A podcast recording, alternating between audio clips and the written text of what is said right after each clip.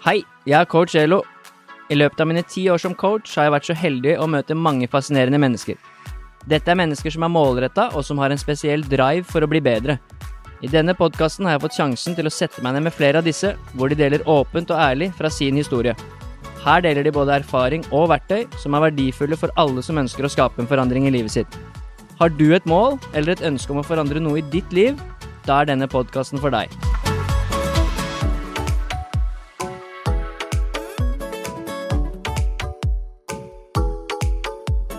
Velkommen til en ny episode av Coach Elo med gjester. I dag så har jeg med en gjest som, eh, som jeg har sett fram til å ha med lenge. Eh, og første gang jeg sendte hun en melding, så tok det ett år før jeg fikk svar.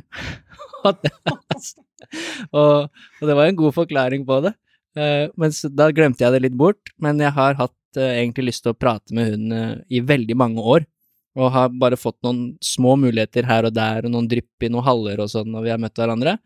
Eh, så, så, jeg gleder meg veldig til episoden, og uh, gruer meg ikke, men jeg er veldig spent. Så er det en person som har inspirert meg mye, og som fortsatt gjør det. Og hun heter Anja Hammerseng Edin. Så velkommen til deg.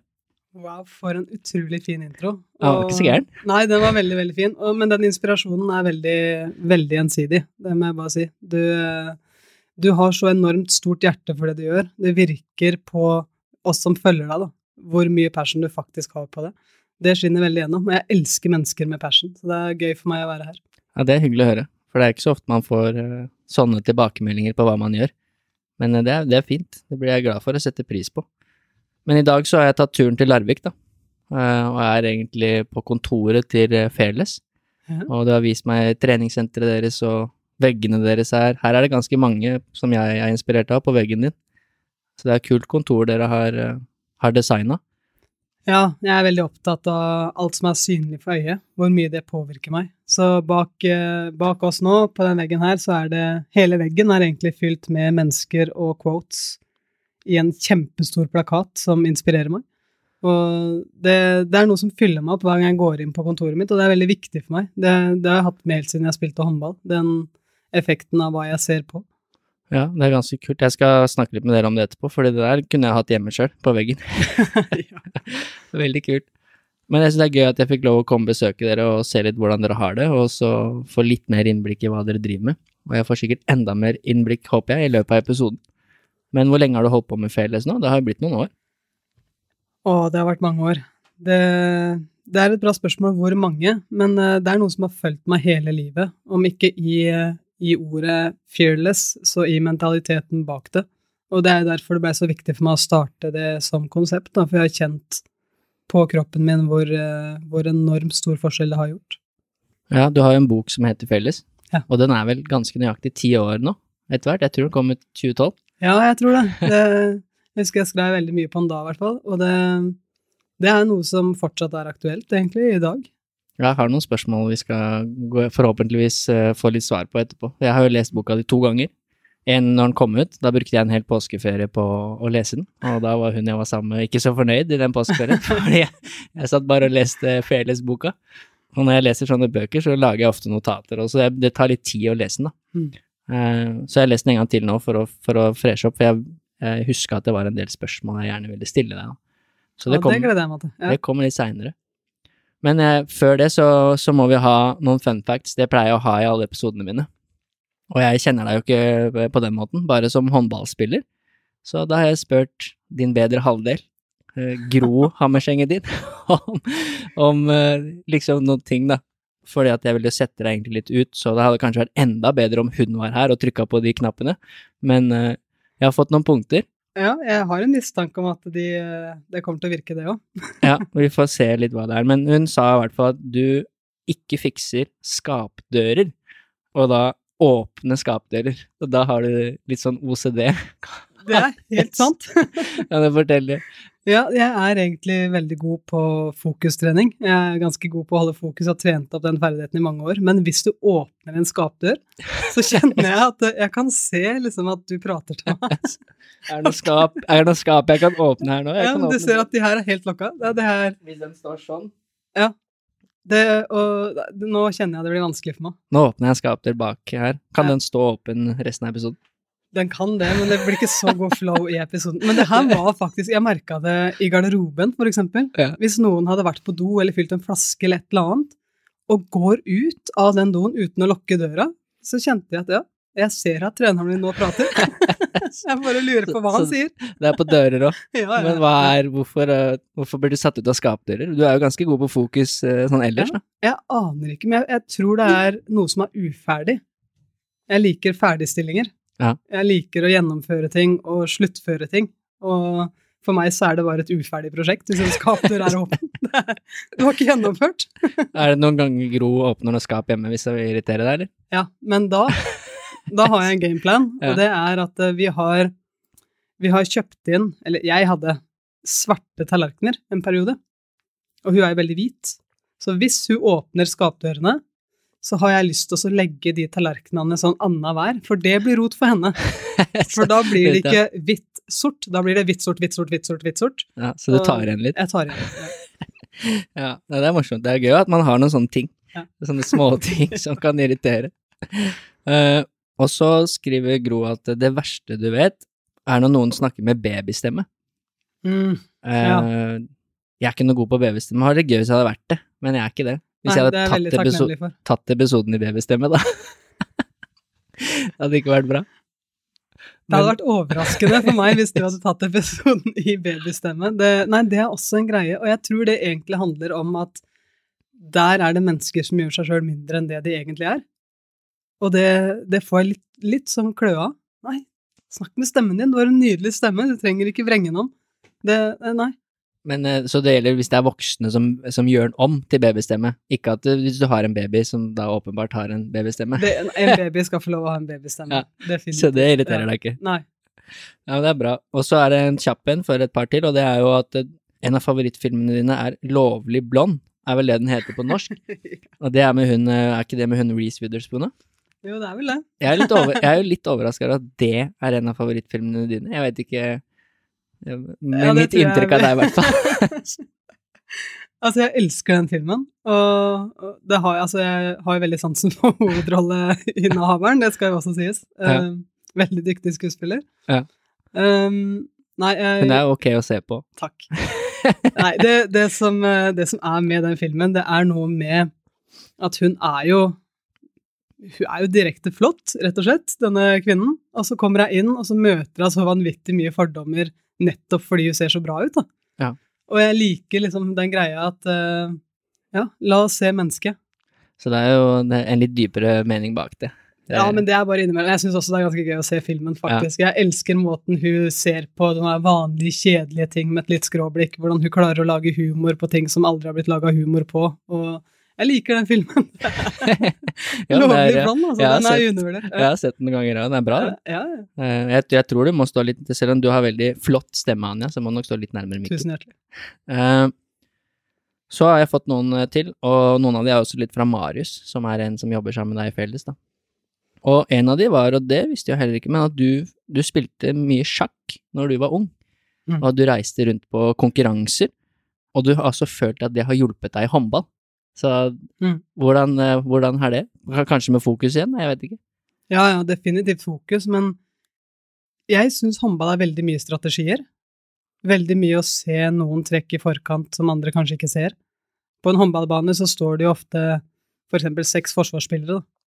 Og mange ser forsvarsspillerne, jeg ser alltid rommet mellom de, og lurer på hva kan bli de neste tre-fire trekka.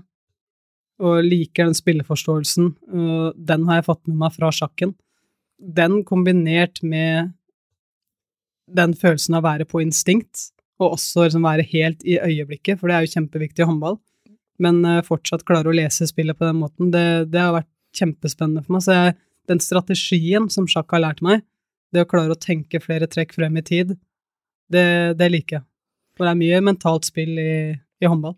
Ja, veldig mye. Og en vik veldig viktig ting, som du sier, er jo det å forstå spillet og kanskje lese noe trekk, da. Du var Mm. jo en playmaker når du spilte, som var smart. Så det var en gøy, gøy sammenligning. Jeg hadde heller ikke sett for meg at sjakk eh, hadde hatt en betydning for deg. Hvor lenge spilte du sjakk, da? Det var ganske mange år. Eh, helt fram til Jeg var godt oppe i ungdomsåra når jeg slutta med sjakk, Ja. og det var bare fordi det tok veldig, veldig mye tid. Hvis du skal bli god i sjakk, så må du trene mye. Og Ja. jeg var veldig glad i håndball, basket, fotball. Så, så var det ikke så mange av vennene mine som drev med sjakk. Det var mest noe, noe jeg gjorde egentlig på egen hånd sammen med pappa og ja, noen venner som jeg fikk via sjakken. Da. Men jeg, jeg var veldig fascinert av spillet. Jeg elska det å kunne gå liksom inn i sona med sjakkbrettet og brikkene og finne ut av hva kan vi gjøre sammen. Og bare leve i akkurat det spillet. Da. Jeg, jeg likte det veldig godt. Ja, det er jo, sjakk er jo litt sånn i vinden eh, de siste årene av Magnus Carlsen. Så er det jo blitt populært igjen, og blir vist på TV med kommentatorer og eh, Jeg er også fascinert av spillet, men jeg syns det er litt kjedelig å se på sånn langsjakk og Selv det er fascinerende, som du sier, at de er jo ekstremt konsentrert. Det tar lang tid, da. Sitte og vente på å trekke en time, og så flytter du én brikke, og så må du vente en time til Ja, før du flytter neste. ja. Eh, Men der er, der er vi inne på fokus igjen, da. For Ja. det er så mye spennende som skjer mellom øra ja. akkurat i den timen. For Ja. eksempel. Det er altså Og man har spilt sjakk sjøl, det er jo helt eh, Du blir jo sliten fysisk altså, av å sitte og tenke hele tiden. Og som du sier, du må jo være til stede. Men det var en kul greie. Uh, en annen ting fra Marius er jo at uh, Og det, det overrasker meg egentlig ikke så veldig sånn, eller i hvert fall sånn med det inntrykket jeg har av deg, da. Uh, men det er jo òg likevel veldig liksom unikt, kanskje, og det er at du har vært i ti dager stillhet uten telefon og øyekontakt, og mediterte ti timer om dagen. Ja. Kan du fortelle om det? Det er ti dager uten øyekontakt, og i total stillhet. Det hørtes lenge ut. Ja, det, og det var eh, lenge. Ja. Eh, det her gjorde jeg da jeg la opp med håndball. Jeg var veldig opptatt av å finne en trygg base på hvem er jeg nå, hva gjør jeg nå, hva er viktig for meg på ekte. Og for meg så er det noe veldig, veldig kraftfullt i stillheten. Og det å finne ut av hvordan det her sånn eh, Altså hvordan de svara kan komme, da. Ved å sitte og meditere i ti timer. Altså, jeg lærte så vanvittig mye om meg sjøl i løpet av de ti dagene at uh, jeg kommer alltid til å være takknemlig for at jeg tok det valget. Ja. Og det, altså, det skjedde ting med kroppen som jeg ikke var klar over at kroppen gjorde. Det er sikkert spennende for deg òg, som, som fysisk trener, da. Men når jeg la opp med håndball, så var jeg veldig programmert i Jeg skal trene fra ni til elleve. Da er kroppen min vant til at da er det trening. Og akkurat i den meditasjonen så var kroppen min så enormt urolig. Og fra fire til seks. Da var den kjemperolig. De to meditasjonene, da var det sånn at jeg kjente at uroen var der, da. Kroppen hadde lyst til å bevege seg. Og selv om jeg visste at vi skulle sitte i stillhet, jeg skulle ikke klø om jeg klødde, jeg skulle ikke bevege meg om jeg, om jeg kjente for det, liksom. Men jeg bare kjente på de enorme kreftene fra kroppen på at det er nå du skal bevege deg, det er når du skal bevege deg. Og da skjønte jeg effekten av vaner, da. At uh, det her er noe jeg har programmert kroppen min til. Det er ikke bare tanker som blir programmert, det er også fysikken i det her. Så, så det var kjempespennende innsikt for meg. Og så også det at alt som kommer, går over.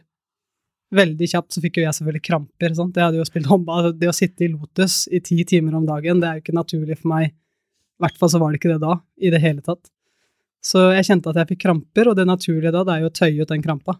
Eh, Men det kunne vi jo ikke, skulle sitte helt stille, skulle ikke bevege oss.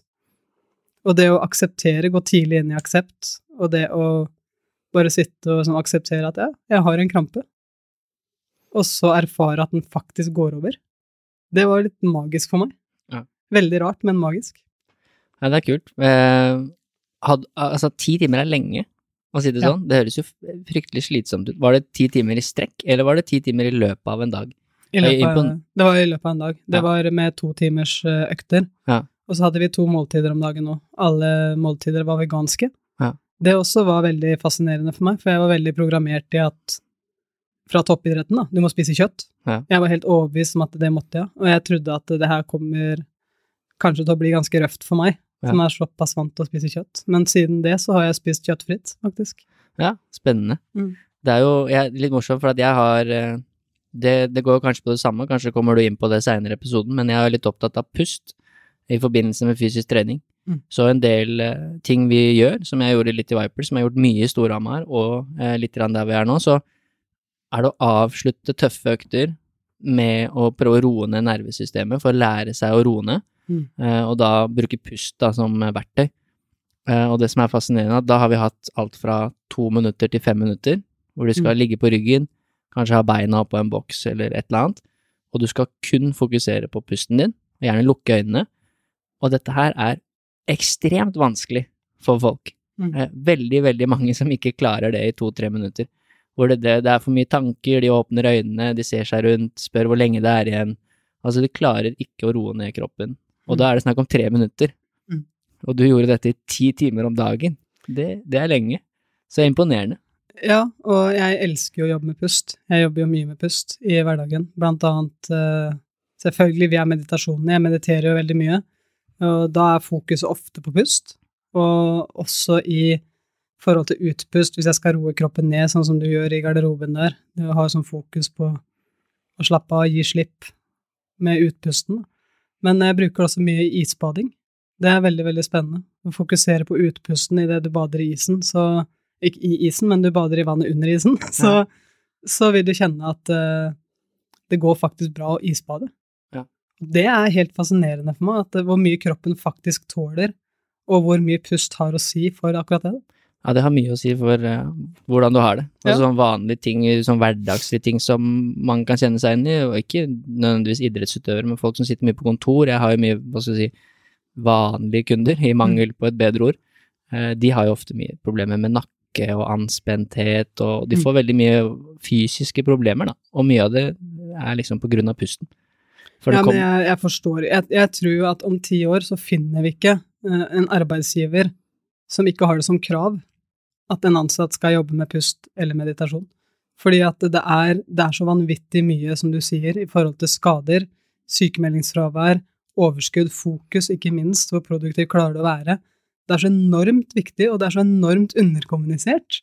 Mm. Så jeg elsker at du tar det inn, jeg elsker at spillerne dine får lov å få muligheten til å lære seg det her, selv om det, som du sier, er, det er krevende i starten, og ja, det er mye motstand. det er mye motstand. Mye motstand. Og, og noe av det skumleste for folk er jo stillheten. Mm. Det er jo det er noe av det vi frykter mest, og vi distraherer oss hele tida med en eller annen noe vi sier, eller noe vi leser på mobilen, eller kroppen blir urolig, så den tar etter det første den ser. Sant? Og, og, og det å faktisk deale med den uroen som står på innsida, da, og det å så lære meg at jeg er den som kan kontrollere det her, det, det er et vanvittig kraftfullt verktøy. Ja. Hvor ofte er det du mediterer nå? Fordi du har jo en jobb som er veldig sånn uh, hvor du må være på, da. Eller altså, du må i sosiale medier og lage videoer, og du må på en måte være eh, der ute. Jeg mediterer hver eneste dag. Ja. Men uh, står jeg på scenen, for eksempel, så vil du se meg to minutter før jeg går på scenen. Da sitter jeg og mediterer. Ja. Uh, skal jeg ut og, og lage en video, to minutter før sitter jeg alltid og mediterer. Og da sitter jeg der fra ja, ti til fem minutter, alt etter fra hvordan, eh, hvordan det føles, da. Og noen ganger så er det da en eh, fokusert meditasjon hvor jeg har fokus på pusten og bare rett og slett bare trener opp disiplinen der og henter fokuset tilbake igjen. Og andre ganger så er det en helt åpen meditasjon hvor jeg bare ikke har fokus på noen ting og ser hva som dukker opp. Den bruker jeg veldig mye her på kontoret, for eksempel. Når Marius og jeg skal lage konsepter og prosjekter, så, så pleier jeg bare å lukke øynene. Sitte der i ti minutter og, så, og se hva som skjer. Det er helt rått hvor kreativ det går an å bli, og hvor, hvor mange svar som kommer. Det, jeg tror veldig lite på den modellen som samfunnet vårt ofte kjører, da. At uh, her er problemet, det må vi løse, sett dere rundt et bord og finn svaret. For da, Mm. da finner du det svaret i Det her er veldig nerdete. I overflaten, liksom. Ja, da finner du svaret i overflaten og i Ja. det som kalles beta-hjernebølgeaktiviteten, som er liksom Ja. det, den er, det, det er så vanvittig raskt, det er så mye som skjer der oppe, så du må komme ned der du faktisk kan se litt klarere, ned til alfa-teta, sånn at du får, du får de svarene som faktisk ligger under der. Mm. Det som er tilgjengelig for deg, men som ikke du får tak i, fordi at du er i en stressa fysisk tilstand. Jeg tror at uh, noen av de spørsmålene jeg har etterpå, så tror jeg noen av svarene dine kan bunne litt ut i det her. Mm. Eh, som, er, eh, som er inn mot håndball og prestasjon og mesterskap, ganske konkret egentlig. Eh, noen mesterskap du har vært veldig god, eh, hvor du også skriver i boka at disse tingene har vært viktige. Mm. Og da er det jo kanskje da i forkant av et mesterskap eller forkant av en kamp og sånn, da, som du sier, at du gjør disse tingene. Fordi når du er på banen, så har du ikke tid til å lukke øya, og da må du være der. Mm. Akkurat der når det skjer. Så det blir spennende å høre hvordan du har brukt det inn mot prestasjon, da. Eh, og før vi eh, hører litt mer om historien din, så er det to eh, fun facts som er litt mer sånn aktuelle, da.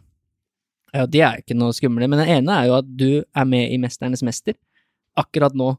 Eller det er jo spilt inn sikkert da fra i fjor eller fra sommeren, men det går på NRK nå, da. Det har kommet ut en episode.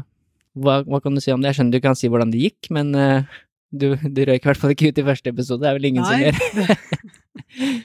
Jeg var veldig imponert Jeg var veldig imponert over 90-graderen din, selv om noen av disse er helt sjuke og sitter en time og sånn, men det var ganske lenge du satt. Og jeg, Ja, og der vil jeg bare takke Tom Christiansen, som er den fysiske treneren som vi hadde i Larvik håndballklubb. Ja. Jeg kontakta rett og slett han da jeg takka ja til Mesternes mester, fordi at uh, jeg hadde For eksempel i 90-graderen så hadde jeg et utgangspunkt på tre minutter. Det, jeg testa meg sjøl, og det var tre minutter, og det er Det hadde vært ålreit å liksom øke den, da. Pluss at uh, i Mesternes mester så er det jo også den herre store ballen, jeg vet ikke om du har sett den, der vi skal skyve den opp en bakke. ja, det har jeg sett, ja. Den er jo ofte går igjen. Den går ofte igjen, sant? Ja. så jeg visste at den kom til å komme, men da jeg takka ja til Mesternes mester, så veide jeg like mye som den ballen. Ja. og da jeg skjønte jo at det her kan jo faktisk være et livstruende prosjekt for meg å prøve å få den, den der opp bakken, så jeg har satt meg som mål at jeg vil, jeg vil gå opp fem kilo før den uh, innspillinga. Og Ja. ikke nødvendigvis fordi at målet er å vinne, men eh, det, jeg skal overleve. Overleve. Jeg skal overleve. Nei, så jeg, jeg syns det er gøy å pushe kroppen, jeg syns det er gøy å sette meg mål. Det er jeg vant til fra håndballen, og ha en grunn til å gjøre det. Ja. Så jeg fikk den litt tilbake der, da.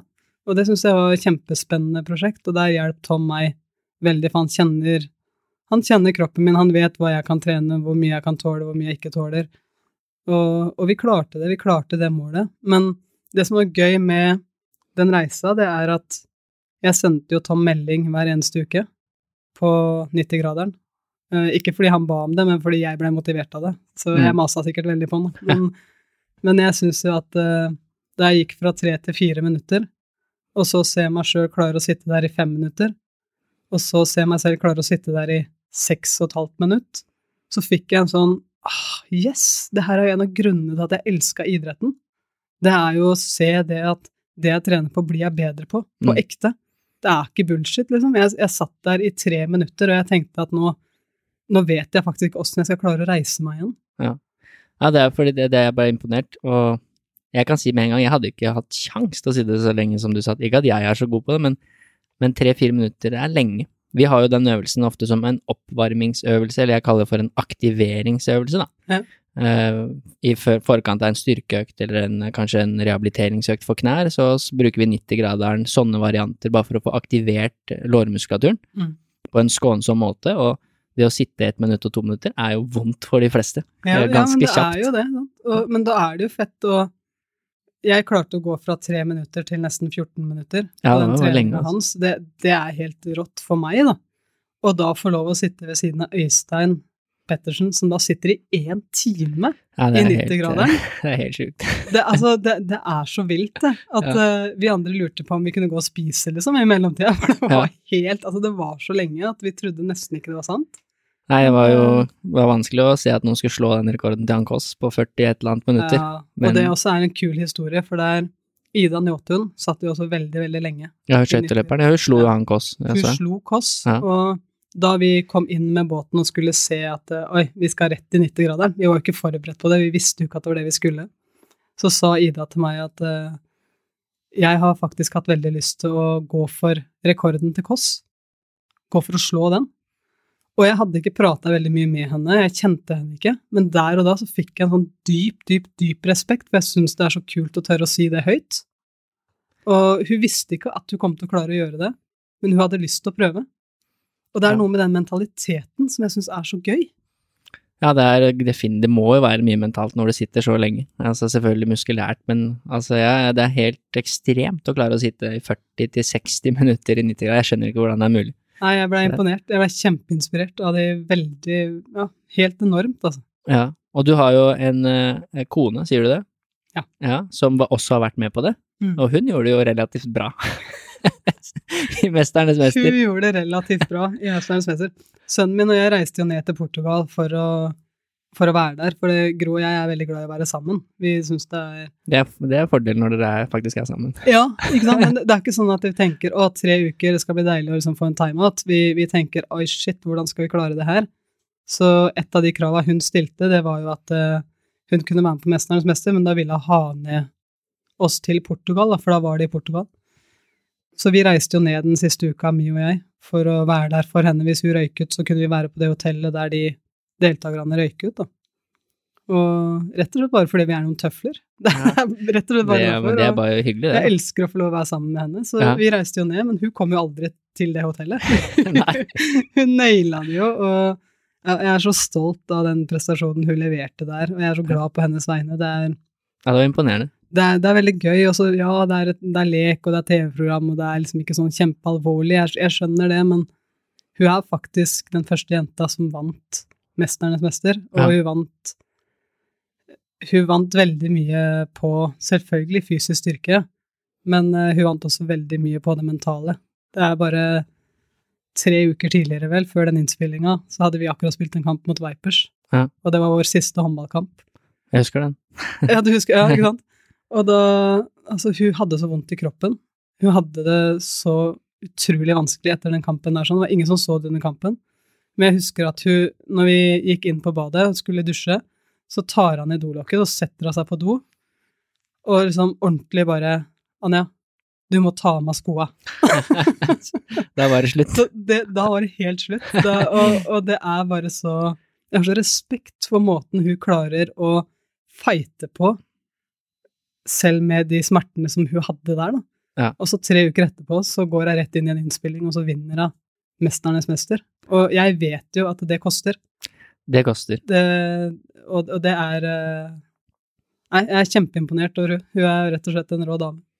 Og så nå, du må jo prøve å Det går kan kanskje ikke an å toppe det hun gjorde, da. Det blir vanskelig. Men ja, det eh, skal godt gjøres å toppe det, det skal det. Men eh, det, det jeg blir inspirert av, det er at hun, eh, hun gir alt. Ja. Alltid. Og det lover jeg deg at det gjorde jeg òg. det gjør du også. Ja. Eh, vi skal gå videre, da. Men noe annet jeg syns var gøy, kan jeg nevne kjapt. At jeg ble veldig imponert over 90-graderen. Og så ble jeg ikke så imponert over reaksjon. det var en sånn reaksjonsøvelse. Og det veit jeg at man bruker litt i håndball, ofte kanskje som oppvarming og, og sprinttrening og sånn. Ja. Der røyk du og Linka. Kjapt ut, altså. Vi røyk kjapt ut. Vi, eh, vi gikk jo inn som eh, kanskje litt favoritter. Eh, ikke fordi at vi var bedre trent enn alle andre, men fordi vi var bedre trent i den øvelsen Ja. enn alle andre. Jeg, Jeg trodde- andre. Trodde dere skulle gjøre det bra på den. Ja, det trodde jeg òg. Sånn i all beskjedenhet så, så trodde jeg at hvis det er en øvelse som kan passe oss godt, så kan det være den øvelsen her. Ja. Eh, Selv om jeg har dyp respekt for alle deltakerne, for jeg vet at den passer alle. De er kjempegodt trent alle sammen der. I ja, jeg er egentlig veldig imponert over alle som var med der, men jeg tenkte at hvis jeg skal ha en fordel i en øvelse, da, så kan det være den her. Ja. det, det var det Ok, ikke. var ikke der du plukka mest poeng. Nei. Men eh, ja, det blir, blir gøy å følge med videre på Mesternes mester og, og se hvor langt du kommer. Det er jo et kult program. Og det andre er eh, så Det blir en lang intro, men det er bare hyggelig. Eh, Det andre er at vi spiller jo inn nå podkasten på kontoret ditt på Fairless, og vi gjør det stående. Ja. Ikke at det er så fryktelig morsomt, men det er den første podkasten jeg har spilt inn stående, fordi du ville stå. Ja. Eh, Så kan du bare si kjapt hvorfor du liker å stå når du prater. Jeg regner med du har noen grunner til det. Ja, det handler om tilstand. Ja. 100% tilstand. Jeg liker å Altså, alt, alt jeg lager, er stående. Hvis Mm. ikke jeg lager meditasjoner, det er alltid sittende. Men ja. uh, alt jeg lager uh, av lydfiler, workshops, absolutt alt gjør jeg rundt det bordet her, og jeg gjør det stående. Og så har jeg den pilatesballen der borte som jeg av og til bare sitter og ruller litt på. Men, Ja. uh, men det handler om tilstand, det handler om å være våken, det handler om å kunne bruke kroppen og kroppsspråket, og jeg gestikulerer jo en del uh, ofte. Ja. Så, så for meg så er det viktig. Ja, det er kult. Uh, Det blir, det blir spennende å høre podkasten etterpå, om man hører noen forskjell. For jeg hører jo alltid gjennom og prøver å få litt tilbakemeldinger fra medieselskapet og sånn, så det blir gøy å høre om vi gjør noen forskjell. Fordi når Ja. jeg spilte inn introen min, som ikke jeg nødvendigvis er sånn kjempestolt over, men det var uh, på et studio Mm. med et sånt uh, ordentlig medieselskap, og da begynte jeg å gjøre det sittende, og han sa bare det skjer ikke. Nei. Det her må du gjøre stående. Og han hadde noen av de samme forklaringene som deg. Og jeg hørte veldig stor forskjell Ja, eh, på hvordan jeg prata, og på hele budskapet blir annerledes, da. Mm. Så det var veldig spennende. så spennende. Ja. Så det blir gøy å høre. Og kanskje det blir stående podkaster framover. Ja. Episoder. Ja. Men det jeg gleder meg til, er jo å høre litt mer om din historie. Vi må jo snakke litt om eh, Anja som håndballspiller, og jeg tenkte kanskje vi skulle starte med det. Eh, og så skal vi snakke litt om, som du sikkert blander inn der, da, for det er en stor del av deg uansett, men om fearless mindset og som du sa har fulgt deg i mange år, Mm. eh, og litt selvfølgelig hva du jobber med nå, da, og hva det er faktisk du driver med. Men du kommer ikke utenom at det er mange som husker deg som håndballspiller, som sikkert har sett opp til deg som håndballspiller. Så hvor starter den reisen der? Jeg kommer inn på noen spørsmål fra boka di etter hvert, men der tar det jo litt for deg dine første år som håndballspiller, da. Ja. Jeg eh, fikk veldig tidlig fascinasjon for eh, ball. Altså, jeg elska å leke med ballen, og jeg, jeg elsker å få lov å være kreativ, skape ting. Og for meg så var ballen min beste venn, helt fra jeg var liten. Jeg hadde med meg den overalt, og lekte med den på vei til skolen, stussa den, gjorde ulike kule ting med den. Jeg syns jeg brukte den som hodepute. Altså, den var liksom Mange hadde bamser, jeg hadde ballen. Altså, det var det var veldig naturlig for meg å ha med den ballen overalt. Da. Og jeg fikk lov av mamma og pappa. Jeg knuste jo x antall ting hjemme, men de lot meg fortsatt beholde den ballen. Så, så jeg, eh, jeg elska det helt fra første sekund, egentlig. Ja, du var jo også en veldig sånn, eh, det kan jo du styre, kanskje du ikke er enig, men du var jo en teknisk spiller, da, Ja. eh, når du spilte håndball. Du gjorde jo mye, hva skal du si, kule ting som ikke alle andre gjør. Ja, jeg likte å utforske hva, hva kan jeg finne på som er gøy. Og Mm. det er jo det er kreativiteten, leken, som har drevet meg hele tida med håndballen. Det er den følelsen av å kunne skape ting eh, oppi min mentale verden. Jeg tror veldig på det at vi lever i to parallelle verdener, en Ja. fysisk og en mental, og det skapes ting her oppe i den mentale, og så ta den ut i den fysiske, og virkelig da klare å gjennomføre ting som kanskje ikke jeg nødvendigvis har sett andre steder enn i det mentale, da. Og jeg syns den, den skapelsesprosessen, den utforskinga, den har Jeg har elska det. Jeg syns det er gøy å tørre å prøve på ting. Jeg syns det er gøy å leke, rett og slett. Ja, for du hadde mye kule skåringer. Blei du kjent for en sånn backhand-skåring? Var det deg? Jeg blei nok det. Jeg hadde, jeg hadde Heidi Løke på besøk en Ja. gang. Eh, En gang, mange ganger egentlig, men hun, eh, hun og jeg vi likte å skape ting sammen. Ja. Og hun er jo linjespiller. Så jeg husker vi satt og tegna på et kjempestort hvitt ark opp det vi mente var tidenes trekk, da. Tidenes system i Ja. håndball. Uh, og vi var så stolte. Det ble seint, seint, seint på kvelden, og så ble vi enige om å møte opp litt tidlig på trening da, dagen etterpå. Og så sa vi til treneren vår at du, vi må tidligere i hallen, kan du være med? Og da var det altså at uh, Heidi skulle gå helt ned til høyre kant og kaste en luftpasning til meg, som da kommer på flyver bak forsvaret, og da legger ballen i backhand i mål. Ja. Ja, det var cirka sånn han reagerte òg. Litt sånn, ja, ok.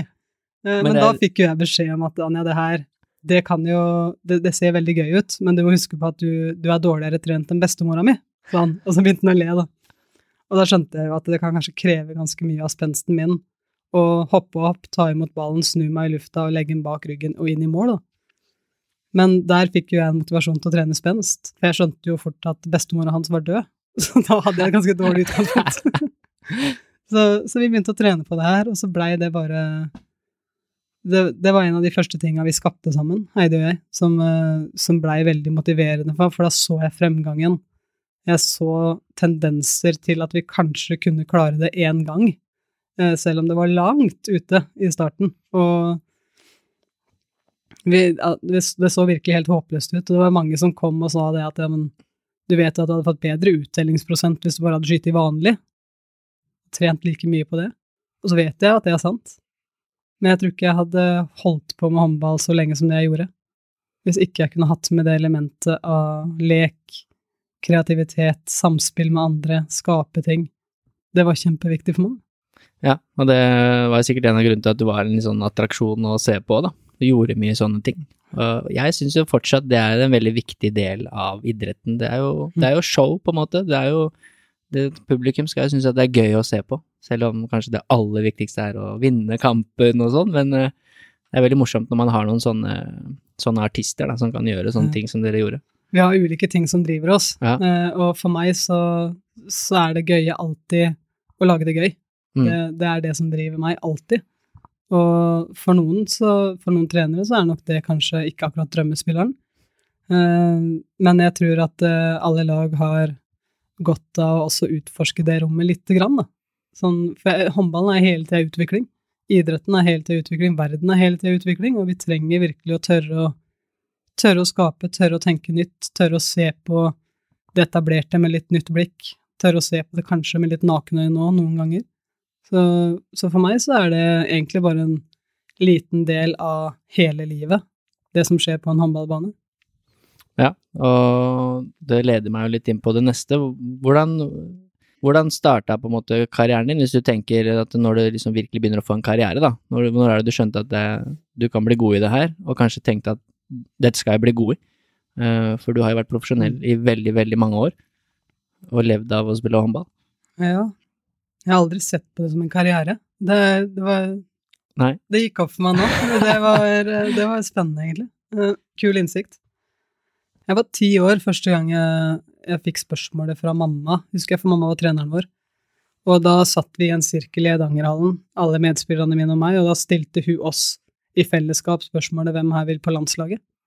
Så kjente jeg at jeg rakk opp handa. Ja. Alt inni meg sa ja. Absolutt alt. Og da, da blei det veldig sånn Ja, det har jeg faktisk lyst til. Det ble også en sånn aha-opplevelse for meg. Uh, og så var jeg ganske god, egentlig som ung spiller, i Telemark, riktignok, da. Eh, ikke i alle andre fylker, men sånn sammenligna med nivået i Telemark, så var jeg ganske god.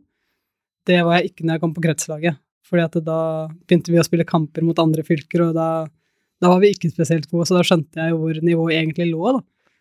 Men eh, så jeg var ofte med på mesterskap, UVM, ungdoms-OL. Jeg var med på sånne ting. Syns det var gøy. Jeg husker første gang jeg fikk Norge-drakta. Det er jo kjempestort å gå rundt med Norge på ryggen eh, når jeg var så ung. Eh, men eh, så tok det ganske lang tid før jeg kom meg inn på en A-landslagskamp, egentlig, og A-mesterskap. Da var jeg vel 26, tror jeg, første gang. Så, så for meg så har sånn Jeg tror skiftet kom da jeg bytta klubb fra Storhamar håndballklubb til eh, Larvik håndballklubb. For da skjønte jeg hva toppidrett egentlig var. Eh, Fram til da så hadde jeg trodd at jeg visste det, men jeg hadde ikke vært en del av det sånn på ekte. Jeg hadde ikke vært en del av, av det miljøet der jeg kan lære hvordan de beste tenker, hvordan de beste trener. Jeg hadde gjort så godt jeg kunne, og det gjorde vi alle sammen, men det var først da jeg fikk oppleve hvordan det faktisk var, og hva de faktisk gjorde, og se, se forskjellen på det å være nummer tre i Norge og best i verden, og kjenne forskjellen. Da skjønte jeg at uh, jeg har mye å lære. Ja, det er kult. Det er bare en tanke som slo meg, og jeg vet ikke hvorfor han kom, men jeg har jo en kompis eh, som heter Amal, han har også vært med i podkasten. Ja. Pellegrino, han spiller i Bodø-Glimt. Og han er like gammel som meg, han er 31, Mm. og han slo egentlig gjennom når han var 30 år, da. Eh, Ganske seint som fotballspiller. Og han har spilt på gode lag i Eliteserien, sånn som du gjorde. Storhamar var jo et bra lag. Mm. Eh, og så sa han, eh, fortalt, eller jeg tror han uttalte seg i media at når han kom til Bodø-Glimt i fjor, så var det første gang han forsto hva toppidrett er. At liksom, tingene de gjør der, er det ingen andre i Norge som gjør. Og de vant jo serien, og de har gjort det ganske bra i Europa. Så jeg vet ikke hva en tanke som slo meg. At han liksom skjønte at oi, her ser jeg forskjellen på å vinne serien, og faktisk eh, kanskje etter liksom gjøre litt ting ute i Europa, kontra å bli nummer fem eller seks, eller de andre lagene han har spilt på, da. Som også har vært ok. Jeg liker den, eh, jeg liker den refleksjonen han gjør der, og Bodø-Glimt har gjort det Altså, jeg er så fascinert av de, mm. og måten de jobber også mentalt på, syns jeg har vært kjempefascinerende, men, men jeg tror jeg forstår innholdet i setningen hans, fordi jeg kan relatere meg til det sjøl. Mm. Jeg fikk jo oppleve å spille et mesterskap for Norge da jeg spilte i Storhamar, men jeg var ikke en toppidrettsutøver. Nei. Og det, det er helt rart å si, eh, men det er forskjell på det å ha suksess i den forstand som andre eller mange da, ser på som suksess. Mange så på meg som en som hadde masse suksess da jeg fikk spille VM for Norge. Men jeg følte ikke det sjøl. For inni meg så visste jeg at det var et gap mellom meg og de andre. Og min jobb var å tette det gapet. Min jobb var å finne ut av hva er det det egentlig er. Hva er det som gjør at uh, de har evnen til å reise seg såpass kjapt etter at de har gjort en feil, uten å slakte seg sjøl? Hva er det som gjør at de klarer å prestere om igjen etter at de har prestert helt rått? Helt fantastisk. Hvordan klarer du å gjenskape en god prestasjon? Hvordan klarer du å oppriktig unne andre mennesker som spiller på din samme plass, suksess, uten å bli trua med egoet ditt, da? Eh, så, så, hvordan klarer du å gi slipp på alle tilbakemeldinger, på godt og vondt, og så bare komme inn i sona og være i flowen? Det, den kunnskapen hadde jeg ikke.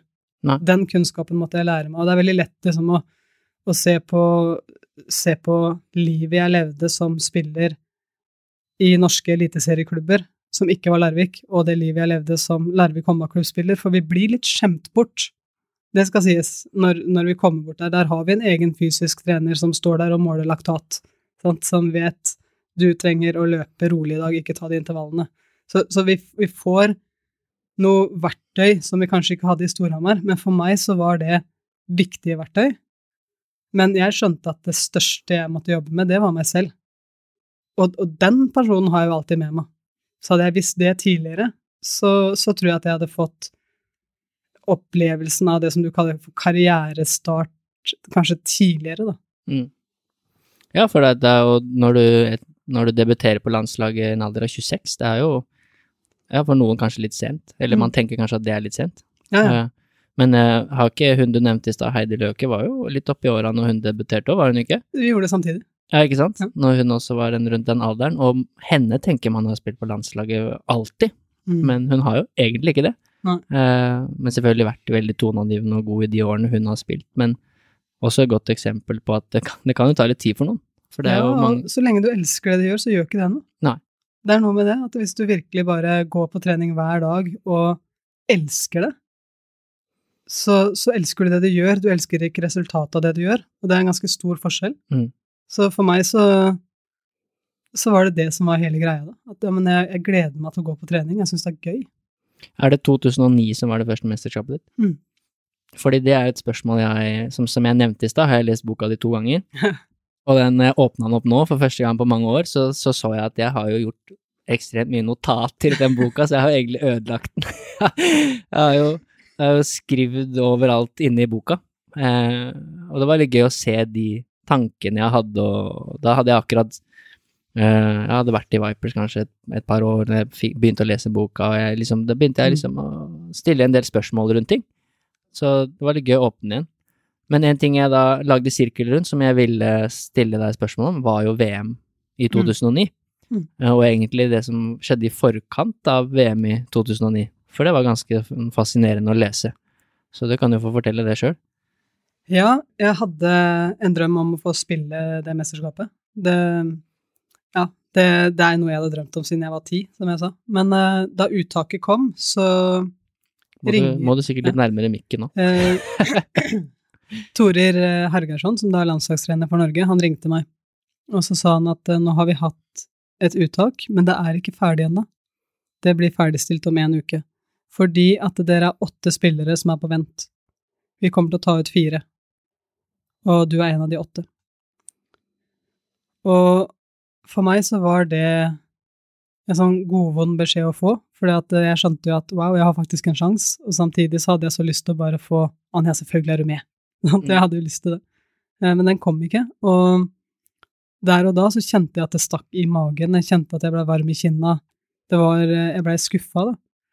Og så husker jeg at jeg ringte til Frank Beck, som da er en person som har jobba med mitt mindset helt siden jeg var 13 år, og jeg har alltid kunnet ringe han uh, så lenge han levde. Han, han, var helt Han var som en sånn Han var som en mindset-coach for meg, som jeg kunne ringe når jeg virkelig trengte det, da. Og det gjorde jeg da. Jeg husker jeg ringte til Frank, og så, og så sa jeg at jeg var på vent, og så sier jo Frank til meg ja, har du tenkt å gjøre med det? Jeg visste jo at han kom til å si det, for det hadde han sagt i alle år, men jeg følte meg hjelpeløs, jeg følte ikke at jeg kunne gjøre noe, fordi det var jo Torer som skulle ta ut laget. Men det jeg visste, det er at uh, hvis jeg nå sier det til Frank, så kommer han bare fortsette å male på. Jeg har tenkt å gjøre med det, tenkt å gjøre med det. Så jeg, skjønte jo at jeg må gjøre noe sjøl. Mm. Og jeg visste jo ikke hva som skulle til for å bli tatt ut. Jeg bare visste at jeg var ikke tatt ut. Og jeg husker at uh, da jeg la på med Frank da, så, så ringte jeg jo rundt og, og, liksom, prata litt med folk, og så er det en som spør meg ja, men hva skal til? Eh, det visste jeg jo ikke, så jeg måtte ringe til Torer, da. Så sa jeg at jeg, jeg har veldig lyst til å være med. Følte meg som sånn drittunge som hadde lyst på snop i butikken, liksom. Eh, Ja, hva skal til? Men, eh, jeg var så nervøs når jeg tok den telefonen til Torer, fordi jeg følte meg som en som opptok tida hans, eh, og en som masa, på en måte. Jeg syntes det var kjempeukomfortabelt. Men da sa han at Anja, du er god i angrepsspillet ditt, men du trenger å utvikle forsvarsspillet. Og det er grunnen til at du er på vent. Og det var jo på en måte mitt sårepunkt. Det var jo, jeg visste jo at jeg er en forsvarsangrepsspiller. Jeg ble ofte bytta ut i forsvar, og hadde ikke veldig selvtillit i forsvar. Jeg følte ikke at det var min spisskompetanse i det hele tatt. Jeg hadde masse selvtillit i angrep, ikke i forsvar. Så da, da står jeg jo i det veiskillet. Skal jeg gi opp, eller skal jeg prøve å gjøre noe med det her på én uke, da, som ikke har funka på 26 år, på en måte? Skal jeg prøve å gjøre noe med det? Så da, da valgte jeg å gjøre noe med det. Hvis ikke så hadde Frank bare spurt meg hva jeg tenkte å gjøre med det. jeg orka ikke det. Så da, da ringte jeg rundt og fikk nummeret til en mann som heter Christian Berge. Han trente da Elverum håndball, herrer. Og nå er han, eh, han er norsk landslagstrener for herrene, nå. Mm, de gjør det kjempebra, og det er, det er, veldig gøy å se hvordan han har klart å skape det miljøet han har klart å skape der òg. Altså, ja. Kjempeimponert over han. Men han viste jo hjertet sitt mot meg òg, da. For når jeg ringte han, nok en gang kjempenervøs. Kan jeg få være med dere og trene, for jeg vet at dere er så gode? Jeg må lære av de beste, og dere er de beste. Så sier han ja, kom på trening. Du kan lære av oss, men du må møte opp. Du må være her med gutta, du må trene med gutta. Og det, det gjorde jeg. Jeg fikk med noen venner som satt på tribunen og kikka på meg. Jeg, var, jeg følte meg så liten. Jeg var så liten nå. Da jeg var fysisk, så var jeg jo typ 50 kilo mindre enn alle. Ja. Men det er, er noe med den greia at hvis ikke du tar i da, så blir du jo faktisk skada. Mm. Så jeg måtte jo ta i, jeg måtte jo tøffe meg. Og da, da om en uke, altså en uke seinere da, så ringte Torer og sa at jeg var med. Men det var også en veldig rar opplevelse for meg, for jeg visste, når jeg så at det var Torer som ringte, så følte jeg at jeg allerede hadde vunnet. Fordi jeg hadde gjort noe med en kjip situasjon. Jeg hadde faktisk hatt det ok den uka som jeg egentlig kunne hatt det bare kjipt. Jeg kunne ligge på sofaen og synes synd på meg sjøl, eller jeg kunne begynt å skylde på Torer, eller jeg kunne gått i en sånn offermentalitet, da. Men jeg var så stolt av den reisa jeg hadde gjort, så allerede der så følte jeg at jeg hadde vokst som menneske. Da. Jeg tror det er en av de grunnene Jeg tror det er en av de viktigste tinga vi kan gjøre som mennesker, det er å vokse i oss sjøl. Over våre egne barrierer, vinne over det som holder oss tilbake, vinne over den frykten som sier 'ikke gjør det', når Ja. du egentlig vet at det er bullshit. For bare det å ta den telefonen til Torer, det, det tror jeg det er veldig få som gjør. Eh, når det ikke, ikke blir tatt ut, eller eventuelt blir satt på vent, eller ikke nødvendigvis Torer, men i en annen, annen lignende sammenheng, da. Ja. Og i tillegg ringer Christian Berge og, og begynner å trene med gutta, liksom. Det er kanskje Jeg var så enda usikker. Altså, hele den rekka der, ringe Torer, jeg var kjempeusikker. Ja. Ringe Christian Berge, jeg var eh, enda mer usikker da. Jeg hadde aldri prata med dem før, jeg følte i hvert fall at jeg var til bry der, og hva kunne jeg bidra med for de, på en måte? De, de hadde det jo veldig godt uten meg, på en måte. Og så i tillegg da faktisk møte opp på den treninga, og kaste bort egoet mitt og bare akseptere at jeg er ikke så god som dere, men jeg har tenkt å vise alt jeg har. Jeg har, jeg har tenkt å legge alt, hele hjertet mitt inn i den hallen her, og virkelig bare kjøre på, da. Ikke holde noe tilbake. Og det Jeg følte virkelig at jeg hadde vunnet eh, når Tore ringte og sa at jeg var med. Så det var veldig stort å få lov å spille VM, men jeg, jeg tror det største jeg gjorde for meg selv, det var det som skjedde i forkant av VM. Ja, de valga du tok, ja. Mm. Hva lærte du sånn eh, rent fysisk på de treningene, da? Sånn, eh, for det var jo Forsvaret som var liksom du ville utvikle, da. Jeg, sånn rent håndballteknisk så var jeg usikker i forsvar. Eh, Og med det så betyr det at eh, rent teknisk så tok jeg heller ett steg tilbake enn å gå i kropp, fordi at jeg var redd for å bomme. Og, og når jeg kom til gutta, så tror jeg nok at Jeg ble nok ikke akutt bedre på én uke, men hvis jeg ikke gikk i kropp der, så kunne jeg blitt skada. Mm. Så jeg måtte ta det steget fram istedenfor tilbake. Og, og hele mentaliteten min blei mer offensiv. Jeg blei mer jeg, jeg tøffa meg nok mer når jeg trente med de, og det gjorde at uh, når jeg da kom på en trening og møtte jenter som ikke veide noe særlig mer enn meg, uh, og som ikke var noe særlig sterkere enn meg, så blei ikke det så skummelt lenger. Så det, det, skjedde veldig mye med mentaliteten min i møte med forsvarsspillet. Mm. Det, er, det, er, litt sånn uh, første gang du tar et isbad. Det, du har bare beslutninga klar. Du vet at du skal gjøre det. Du kan ikke stå der skal, skal ikke, skal, skal ikke. Du må gjøre det. Mm. Og for meg så blei det litt sånn at uh, det blei bare gjennomføringa. Ja, det er fascinerende å se selv. Da var du, som du sa, du var jo god nok til å spille mesterskap for Norge, så du var jo allerede ganske god. Eh, og du var 26 år, mm. men hvor mye du lærte på en, en uke, da, selv om mm. du var den spilleren du allerede var. Mm. Det er kult. Eh, men så var du jo ikke helt fornøyd med det mesterskapet, da. Så jeg skal finne noen punkter. For det andre er jo, og det spurte jeg deg om før vi begynte å spille inn, for du hadde et mesterskap hvor du, kanskje det var flere, men du hadde et hvor du var veldig god Mm. Og jeg mener å huske at du fikk noen priser eh, som beste spiller eller et eller annet sånt. Og jeg husker at da var jo jeg Jeg var kanskje 19 år eller noe sånt. 20 Jeg var ganske ung når du var Nei, 21 var jeg kanskje, noe sånt. Når du var i det mesterskapet. Jeg husker jeg ble veldig imponert over deg uh, og måten du spilte på. Jeg husker det mesterskapet veldig godt. Uh, og ting du gjorde. For du var jo, som jeg sa, du var en sånn attraksjon da du gjorde sånne rare ting som ingen andre gjorde. Uh, men det er en stor forskjell der i forberedelsene til mesterskap. Du gjorde jo dette for deg selv i 2009, nei, 2009, mm. men så var du ikke så fornøyd med mesterskapet likevel, uh, mener jeg å lese. Nei, det stemmer det, altså. Det Jeg sto på lineupen. Altså, jeg blei kjempestolt. Og før hver eneste landskamp så står alle spillerne på noe som heter lineup, der vi står og ser på det norske flagget, synger nasjonalsangen og jeg var så stolt. Jeg, jeg var sånn virkelig oppriktig stolt, takknemlig. All, jeg hadde alle de følelsene. Oppriktige følelsene inni meg. Eh, men de varte bare fram til dommeren blåste i fløyta. For i det øyeblikket kampen var i gang, så kjente jeg at ja, jeg hadde gjort forberedelsene mine. Jeg hadde kanskje blitt en bedre forsvarsspiller, jeg vet ikke. Jeg hadde gode forberedelser i angrepsspillet, der var jeg ok. Men jeg kjente at det er der jeg fikk møte den fysiske og den mentale verden så til de grader for første gang. Da. For det er der jeg oppriktig kjente at jeg er et sted nå på banen med kroppen min, og så er jeg et helt annet sted oppe i den mentale verden. Og det er der jeg fikk kjenne effekten av fokus. Og jeg kjente det, jeg skjønte at det skjedde, jeg visste ikke hvordan jeg kunne trene det opp. Jeg visste ikke hvordan jeg kunne der og da, gjennom det mesterskapet, klare å hente fokuset tilbake igjen til det øyeblikket på banen, når jeg kjente at det vandra. Og det vandra jo opp i den mentale verden da fra hva vil folk si eh, hvis jeg driter meg ut? Hva hvis jeg ikke får det til? Er jeg egentlig god nok til å være her? Begynte å navigere litt sånn fram og tilbake i tid opp i den mentale verden. Litt sånn som en vindusvisker, egentlig. På fortid og fremtid, og også på ting som skjedde på banen. Blei hengende fast i feil.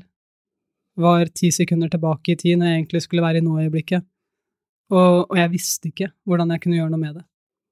Og jeg merka også at det her sånn, det, det spredte seg jo ut fra håndballbanen og inn i samtaler jeg hadde med medspillerne mine og med trenerteamet mitt, hvor jeg så at de prata, men oppi min mentale verden så tenkte jeg på noe annet. Og veldig ofte så tenkte jeg på ting som da ikke var direkte positivt for verken samtalen eller meg sjøl eller de. Så, så jeg blei veldig interessert i hvorfor blir ikke det her prata om? Eh, hvorfor trener vi ikke mer på det? Og, og når jeg kom hjem da fra det mesterskapet, så skjønte jeg at uh, håndball er mer enn håndball. Håndball er mer enn enn det å skulle prestere godt i to ganger 30. Jeg trenger å utvikle mitt fokus. Jeg trenger å trene opp mitt fokus i like stor grad som jeg trener opp mine håndballferdighetene. For hvis jeg klarer å være i ett, hvis jeg klarer å være på samme sted i min mentale verden som min kropp er akkurat nå, så kommer jeg til å klare å være i nå-øyeblikket. Hvis jeg klarer å være i nå-øyeblikket, så kommer jeg til å se de mulighetene som er foran meg på banen, og da, da, kommer jeg til å klare å ta flere bedre valg. Så kommer jeg til å ha det bedre inni meg selv, på ekte. Da kommer jeg faktisk til å klare å sove på natta. Da kommer jeg faktisk til å klare å være til stede når Heidi prater til meg, og jeg kommer til å føle at jeg oppriktig ser hennes suksess, men jeg klarer også å glede meg over den. Og for meg så blei det veldig viktig å rett og slett gå hjem og trene. Trene på fokus. Og det er jo det jeg driver med i dag. Det, for meg så er det, det Det er så transformerende for meg, for det her handler ikke da lenger om håndball. Det er fett å spille gode håndballkamper når du er interessert i håndball, men, men det å faktisk vite inni meg at uh, jeg er en som kan håndtere det som skjer. Jeg kan overgi meg til øyeblikket og leve i det som skjer her og nå. Jeg kan registrere at fokuset mitt har vandra, og så bam, hente det tilbake igjen. Da, det er en seier for meg. Ja, det er jo også eh, litt av et tips til spillere som spiller nå, da. Eller som kanskje vil bli gode til å spille håndball. Kanskje allerede er det, men ikke får det helt ut. Hvor viktig det også er. Eh, og sånn der liten sånn eh, digresjon til det er jo at jeg Kanskje du måtte ha den opplevelsen, da, i 2009 for å få de tankene, og for å faktisk Ok, dette må jeg gjøre noe med. Du måtte kanskje gå gjennom den erfaringa. Jeg er så takknemlig for at jeg fikk den erfaringa, Ja. selv om det er en av de mest smertefulle tinga jeg har stått i som håndballspiller. Mm. Eh, fordi at jeg sto midt i det som jeg trodde var suksess, og opplevde at jeg ikke hadde det så bra som jeg hadde forventninger om at jeg kom til å være. Og akkurat nå kan jeg si at det er en av de tingene jeg er mest takknemlig for Mm. gjennom håndballen, det er at jeg sto i den smerten der. Veldig kul historie, og det, blir nok mer, for vi skal snakke om EM i 2012. Ja. Men eh, jeg ser jo også når du ser mesterskap, eller folk som spiller i store klubber, så har jeg tenkt mange ganger også, når Norge vinner da, Mm. gull, så er det noen spillere som kanskje ikke har spilt i det hele tatt da. Mm. Og da har jeg tenkt mange ganger, er du fornøyd med det liksom? Er du, synes du det, du, du har jo ikke bidratt, altså, du har jo vært i garderoben, og du har vært på trening, du har sikkert bidratt, men du har jo ikke fysisk vært på banen. Mm. Og det er det jeg mange ganger har tenkt, er liksom, er, er du fornøyd med det? Er det liksom, har du gjort alt du kunne? Eh, Og det har jeg bare tenkt mange ganger, så det har erfart litt når jeg har trent håndballspillere de siste åtte årene, som kanskje blir noe av det samme, kanskje du ser på det annerledes, men jeg er jo fysisk trener, så jeg skal jo da trene opp eh, fysikken til håndballspillerne. Men så har jeg skjønt at fysisk trening er så mye mer enn fysisk trening, da. Ja. Eh, altså, jeg har erfart så mye, liksom. Eh, kjærlighets, eh, sorg, brudd, altså ting som eh, spillerne går igjennom. Mm. Eh, og sliter med å spise, sliter med å sove. Ting som direkte vil påvirke din fysiske form, da. Så jeg har bare skjønt mer og mer at vi må se helheten, da. For at jeg skal få gjort min jobb, og hjulpet deg til å bli bedre fysisk, så må jeg se helheten. Fordi det er så mange andre ting som påvirker fysikken din. Mm. Uh, og det gjør det jo veldig spennende, syns jeg, da.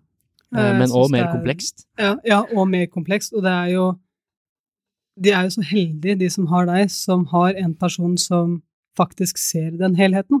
Prøver i hvert fall. Nei, men du, og du gjør jo det. Du, du er jo veldig opptatt av at du skal være der. Du skal være tett på. Du skal, du skal faktisk prate med dem. Du skal gjøre de målingene som gjør at eh, du kan se hvorfor du har de resultatene du har. Så du er, veld, du er en fysisk trener som er veldig tett på. Og, og det her er jo for, for noen så får de bare et treningsprogram på et hvitt ark. Eh, tren det. Og hvis du da sitter der med kjærlighetssorg, og du ikke har de verktøya som gjør at du kan du kan komme deg ut av den mentale verden, ut av den fortida der du hadde den krangelen med han eller hun, og så tilbake i noe øyeblikk og faktisk pushe på, sette på noe knallhard musikk og gjøre det med ja, den vekta, de repsa du faktisk skal, så vil du jo merke at du har trent, men du har ikke trent med kvalitet. Og, og det er jo en av de tingene som jeg fikk beskjed når jeg kom til Larvik, faktisk, at uh, Anne, du har trent mye, men du har trent mye lapskaus. Ja. Sånn, det, er, det er litt av alt. Hvem er det som ga deg den beskjeden? Det var uh, Det kan jeg ikke si. jeg har ikke lyst til å henge ut noen, men men jeg er veldig det er en person som jeg har veldig mye respekt for. Trener. Eh, Ja. Ja. Og, og jeg må bare si det at det, det traff noe i meg, for jeg visste ikke det. Jeg tenkte at masse trening er bra, eh, men jeg så ikke helheten, som du sier nå, i forhold til trening, restitusjon, hva som skjer på privaten, hva jeg tenker, ikke minst, hvor mye det har å si på ytelsen.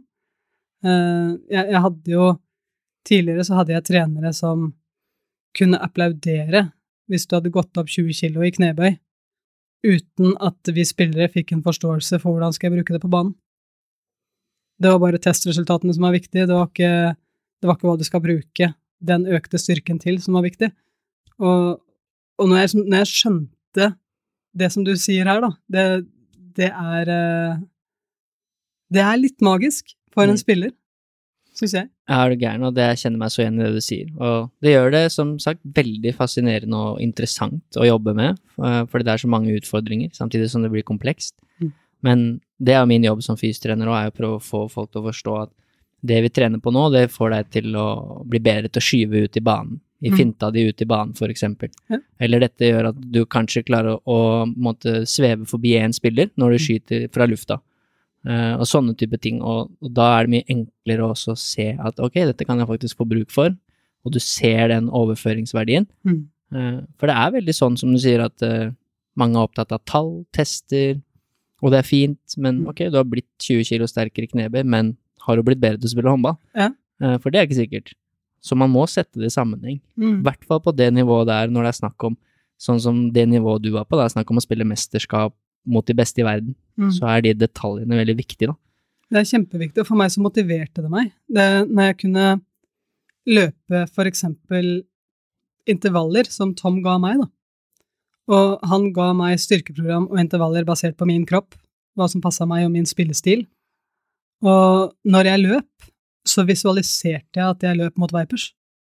Jeg visualiserte når jeg var dritsliten at jeg skal vinne det siste returløpet. Så, så jeg kunne bruke den intervallen direkte til kampen. Fordi Tom var så innmari god på å fortelle overføringsverdien hver eneste gang. Det her kan du bruke til da. Jeg husker jeg hadde kikka på jeg tror det var Sør-Korea som spilte en kamp. Og så husker jeg jeg gikk til Tom og så sa jeg, kan jeg være så snill å få den eksplosiviteten i fintene, kan det passe meg? Og to dager etterpå så hadde jeg et treningsprogram. Og jeg husker så godt den følelsen av at eh, Jeg blei nok ikke en sørkoreansk spiller, eh, det, det, altså, såpass ydmyk skal jeg være, men jeg merka at jeg Jeg blei raskere. Jeg kom meg oftere gjennom, og det ga meg veldig troa på at det jeg trener på, blir jeg bedre på, men jeg må trene på de rette tinga. Det nytter ikke bare å lasse på med en hel haug med trening og tenke at mengde er best. Jeg må tenke at jeg må trene smart, og gjøre det konkret inn mot det som faktisk betyr noe. Ja, og jeg jobbet Jeg vet ikke om uh, det er han du snakka om, men jeg jobba med Ole Gustav Jekstad i Vipers i to år. Mm. Og føler meg veldig heldig som fikk være to år med han, fordi at han eh, er den han er og har oppnådd de tinga han har gjort, både med Larvik og Vipers, og Mm. også Drammen i herrehåndball. Og han hadde veldig, veldig fokus eh, på detaljer, og han hadde Mm. veldig fokus på de tingene der. Jeg husker veldig godt to slides som han brukte mye på møtene våre, så det var en ene siden så står det A-lag, og på den andre siden så står det B-lag, da. Mm. Og forskjellen mellom det. Og det er jo små forskjeller, Ja. men hver dag over tid så utgjør det veldig, veldig stor forskjell, da. Det å komme tidsnok kontra det å nesten komme tidsnok, og liksom sånne type ting, da. Eh, og det andre er liksom, hvor legger du nivået i hverdagen? Mm. Du har sagt du vil bli verdensmester. Hvor legger vi nivået hver dag på trening? Hva er det vi skal si at er bra, da? Ja. Hva skal vi applaudere? Har du skjøt stang ut, skal vi si synd det var bra? Det var ikke bra, for du bomma på mål. Mm. Eh, så liksom, hvor legger du lista? Eh, og det husker jeg meg veldig opptatt av, det syns jeg var fascinerende. Da. Det er kjempefascinerende, og Ole, Ole var en veldig Han betydde mye for meg, for han var så innmari god på de detaljene der. Der lærte jeg masse. Eh, Jeg husker jeg var så nysgjerrig på når jeg kom til Larvik. Hva er det dere gjør, hva er det dere gjør, hva er det dere gjør? Hva er det som gjør at dere alltid gruser oss? Mm. Sånn tosifra hver gang, liksom. Hvorfor har dere slått oss så mye? Jeg gleda meg til å finne på en måte hemmeligheten, da, når jeg skulle få lov å være en del av det. Og så husker jeg at vi hadde trent sammen i jeg tror det var tre uker. jeg. Så gikk jeg til Ole og så spurte jeg som hva Når skal vi begynne med det som dere holder på med? Ja, hva mener du? Nei, du vet det, det som gjør at dere er så sykt mye bedre enn oss andre. Vi sto bare og spilte pasninger. Mm. Og han bare Spill pasninger, du, Anja. pasninger? Det er for tolvåringer! Spill pasninger, du, Anja. Ja, han er veldig opptatt av sånne småting. han har jo hatt resultater med lagene han har hatt. og det Helt enorme, og da skjønte jeg kraften i de små detaljene, da. Mm. I de, de tinga som alle gjør. Det gjør de beste bedre. Og det syns jeg var ganske Det var en liten oppvåkning for meg, i hvert fall, da, at eh, jeg også har spilt masse pasninger, men ikke på den måten. Nei. Ikke med så mye presisjon ved hver eneste pasning. Og da blei dere jo gode òg. Ja. Jeg syns det er veldig fascinerende med de spillerne som, som måtte ha den, den egenskapen der, de tingene du har snakka om nå, uh, hvor jeg ikke helt forstår hvorfor har du det? Uh, er, det er det liksom oppveksten din, er det foreldrene dine, er det liksom Hvorfor har du det? Du hadde jo disse opplevelsene dine og jobba veldig aktivt med det. Mm. En spiller som har imponert meg, og sikkert de, de aller andre fleste, er jo Henny Reistad. Mm. Og når hun kom til Vipers som 18-åring, så var hun jo bra, men hun hadde jo ikke bevist noe særlig ennå. Hun hadde vært god for Stabæk og sånn, men hun var liksom Fra dag én så var det sånn, jeg er ikke her bare for å være her, jeg skal spille. Liksom, jeg skal inn på det laget, jeg skal spille, jeg er her for at jeg skal bli liksom Hun sa det aldri, da, men det var veldig tydelig i holdningene. Eh, og så har hun jo vært, eller gjort det hun har gjort de siste årene, da. Og da har jeg liksom tenkt mange ganger, hvorfor har du det, liksom? Hvor kommer det fra? Det at du har den mentaliteten der, tør å ta plass, du tør å gå inn i et lag med sånne stjerner og bare Jeg er ikke her for moro skyld, liksom. Jeg skal Jeg er her for å spille, da. Mm. Eh, Har du noen tanker rundt det? Liksom hva Grunnen til at noen har det, og kanskje andre ikke så mye, da? Jeg måtte, hvis jeg skal være helt ærlig, jeg måtte trene på det. Ja. Eh, jeg syns ikke det var lett å komme inn i Larvik håndballklubb og ta plass.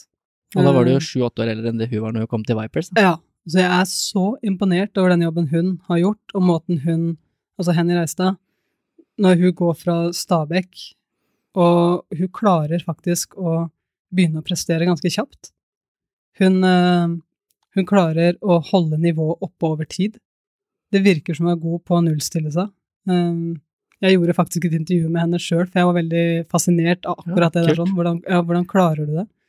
Men for meg så var ikke det veldig lett da jeg kom inn i Larvik håndballklubb. Jeg merka at jeg, jeg Jeg kjente på at uh, jeg begynte å bruke selvironi når jeg ikke lykkes i starten. Og jeg, jeg tok ikke meg sjøl såpass mye på alvor som det jeg trengte å gjøre for å kunne prestere der oppe, for jeg så ikke i min mentale verden, så så ikke jeg meg selv som verdens beste håndballspiller.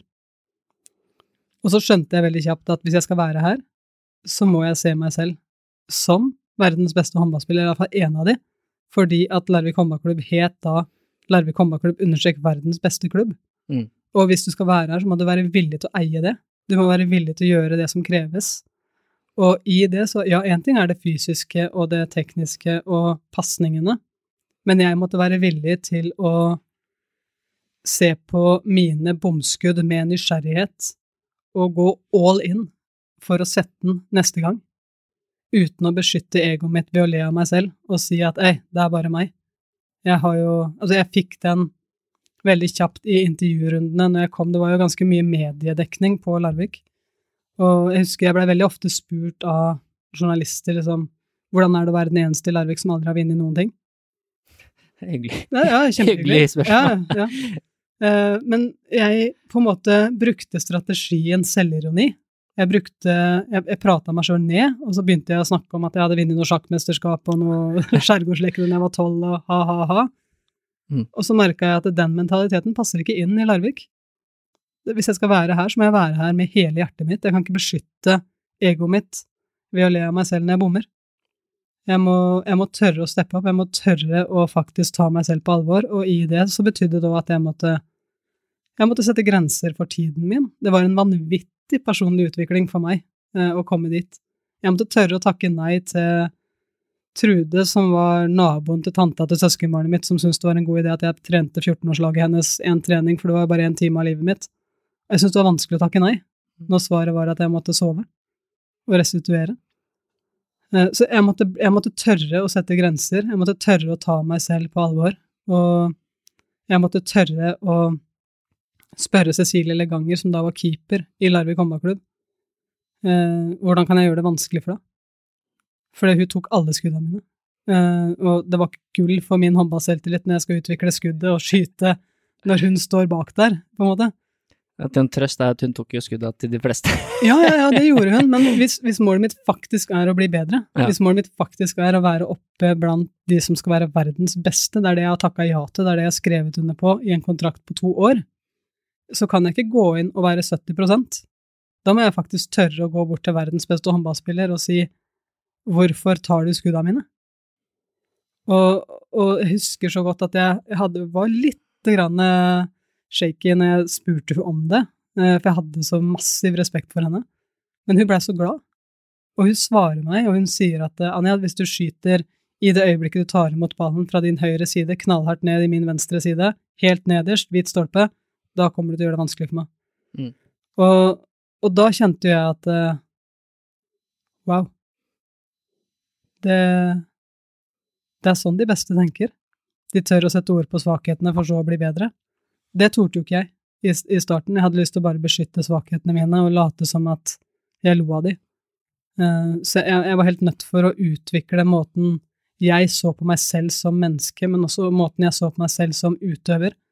Det ble en sånn kjempebratt læringskurve for meg i Larvik håndballklubb, og jeg er kjempeimponert over Henny som så ut, i hvert fall, da, for meg utenfra, som en som tok den veldig kjapt, mens jeg måtte nok gå noen runder med meg sjøl. Samtidig så er det noe av det mest fine jeg har gjort. For jeg måtte, jeg måtte endre noen etablerte sannheter som jeg hadde om meg. Da. Ja, det er det som er interessant, at alle sin reise er jo litt forskjellig. Mm. Det er jo litt eh, egentlig uh, podkasten nesten handler om. Mm. At det er veldig, folk som er veldig flinke i det de driver med, eller har vært veldig flinke i det de driver med, og som har kommet hit på forskjellige måter, da. Mm. Eh, så du har jo en veldig sånn fin og interessant historie, eh, at du virkelig jobba for det. Mm. Men en ting jeg la merke til du sa der, er at du måtte bestemme deg for at jeg skal, om ikke være, skal jeg bli en av de aller beste håndballspillerne i verden. Det er jo ganske skummelt å si det til seg sjøl. Eh, Ja, i hvert fall jeg følte det var et så stort gap mellom der jeg faktisk var, Ja. og der krava var. Eh, men så, så skjønte jeg også veldig raskt, og det her høres kanskje veldig rart ut, men det er faktisk lettere å gå for å være best enn å gå for å være nest best. Ja. Det, det visste jeg ikke. Nei, hva er, hva er grunnen til det? Hvis du alltid Hvis, hvis målet hele Det er litt unorskt, egentlig, å, å tørre å si at jeg skal ikke være nødvendigvis best av de på laget, men i dag på trening så skal jeg være den beste jeg kan være. Mm. Hvis jeg tør å ta de orda i min munn, og, og, og tør å faktisk si det, så er det mye Det er mye lettere for meg å klare det enn å si at i dag skal jeg være i utvikling. For utvikling, det er det er noe som jeg aldri egentlig kan oppnå, for det er noe som alltid ligger i framtida. Men i dag skal jeg være den beste jeg kan være, i alle pasninger, i alle returløp. Da, da er det noe konkret, det er noe håndfast, noe jeg kan bruke til noe. Eh, så jeg, jeg tror at vårt fokus på utvikling i Norge egentlig kan være litt innvikling. Jeg, jeg, jeg tror at ja, jeg skal være tålmodig og jobbe over tid, og jeg vet at jeg kommer ikke til å være den beste på laget i morgen, det vet jeg, men hvis jeg jobber for å være den beste jeg kan være i dag, og trener meg sjøl opp i at det er det som er min standard, da er det mye lettere å gjenta det i morgen. Og over tid da, så blir jo det bedre, så jeg får nok de samme Jeg får nok det resultatet jeg drømmer om når jeg tidligere bare hadde fokus på å være i utvikling. Men jeg, jeg kommer raskere til det, da. Ja, det, det, det faller jo litt naturlig med det du sa i stad, om å være til stede Mm. i nuet, da. Ja. Ta litt dag for dag, Ja. trening for trening, pasning for pasning. At neste pasning jeg sender, skal være presis. Eh, du har jo da, i hvert fall så høres det ut som meg, du har veldig da fokus på pros prosessen, liksom hva kan jeg gjøre i dag, Ja. nå? Ja. Ikke på at jeg skal være best i håndball om et år, fordi da glemmer du kanskje de daglige tingene du må gjøre Ja, for å bli den beste. jeg må, være, jeg må våge å, som, å være nysgjerrig. Ja. Og, og møte det som skjer med åpenhet, eh, selvfølgelig fokus, men også nysgjerrighet. Mm. Jeg skal spørre deg litt om EM 2012, hvor du, når du Om det var mesterskapets beste spiller eller Norges beste spiller, du kan få fortelle etterpå. Du, du gjorde det bra, i hvert fall. Mm. På mange, grunn av mye av disse tingene du har prata om nå. Men før det så vil jeg stille deg noen spørsmål som ikke handler om det i hele tatt. Kult. Eh, og det er, fra, det er fra et kapittel i boka di som heter Garderobefobi. og det er jo sikkert litt dypere, egentlig. Du skal jo få fortelle selv hva garderobefobi eh, betyr for deg. Men eh, jeg syns jo at du og Gro er veldig, veldig, veldig fine eksempler på å tørre å liksom si hvem dere er. Eh, for du har jo en kone som, som er da samme kjønn. Eh, og det er jo at alltid et tema som er litt sånn vanskelig å innvikle og prate om for mange. Og dere har jo reist litt rundt og prata om litt sånne ting, og Gro og Anja helt uten baller. Jeg husker jeg var og så på dere i Kristiansand, jeg fikk billetter av deg. Det var dritkult. Eh, kan du si litt om det først, fordi det er en veldig stor del av deg. Når Ja. er det du på en måte forsto det, at, at jeg liker jenter, da? Eh, og hvordan har den reisa vært, og kanskje fortelle hvordan det var når du møtte Gro? Dere møttes vel kanskje gjennom håndballen? Ja, vi møttes gjennom håndballen. Ja.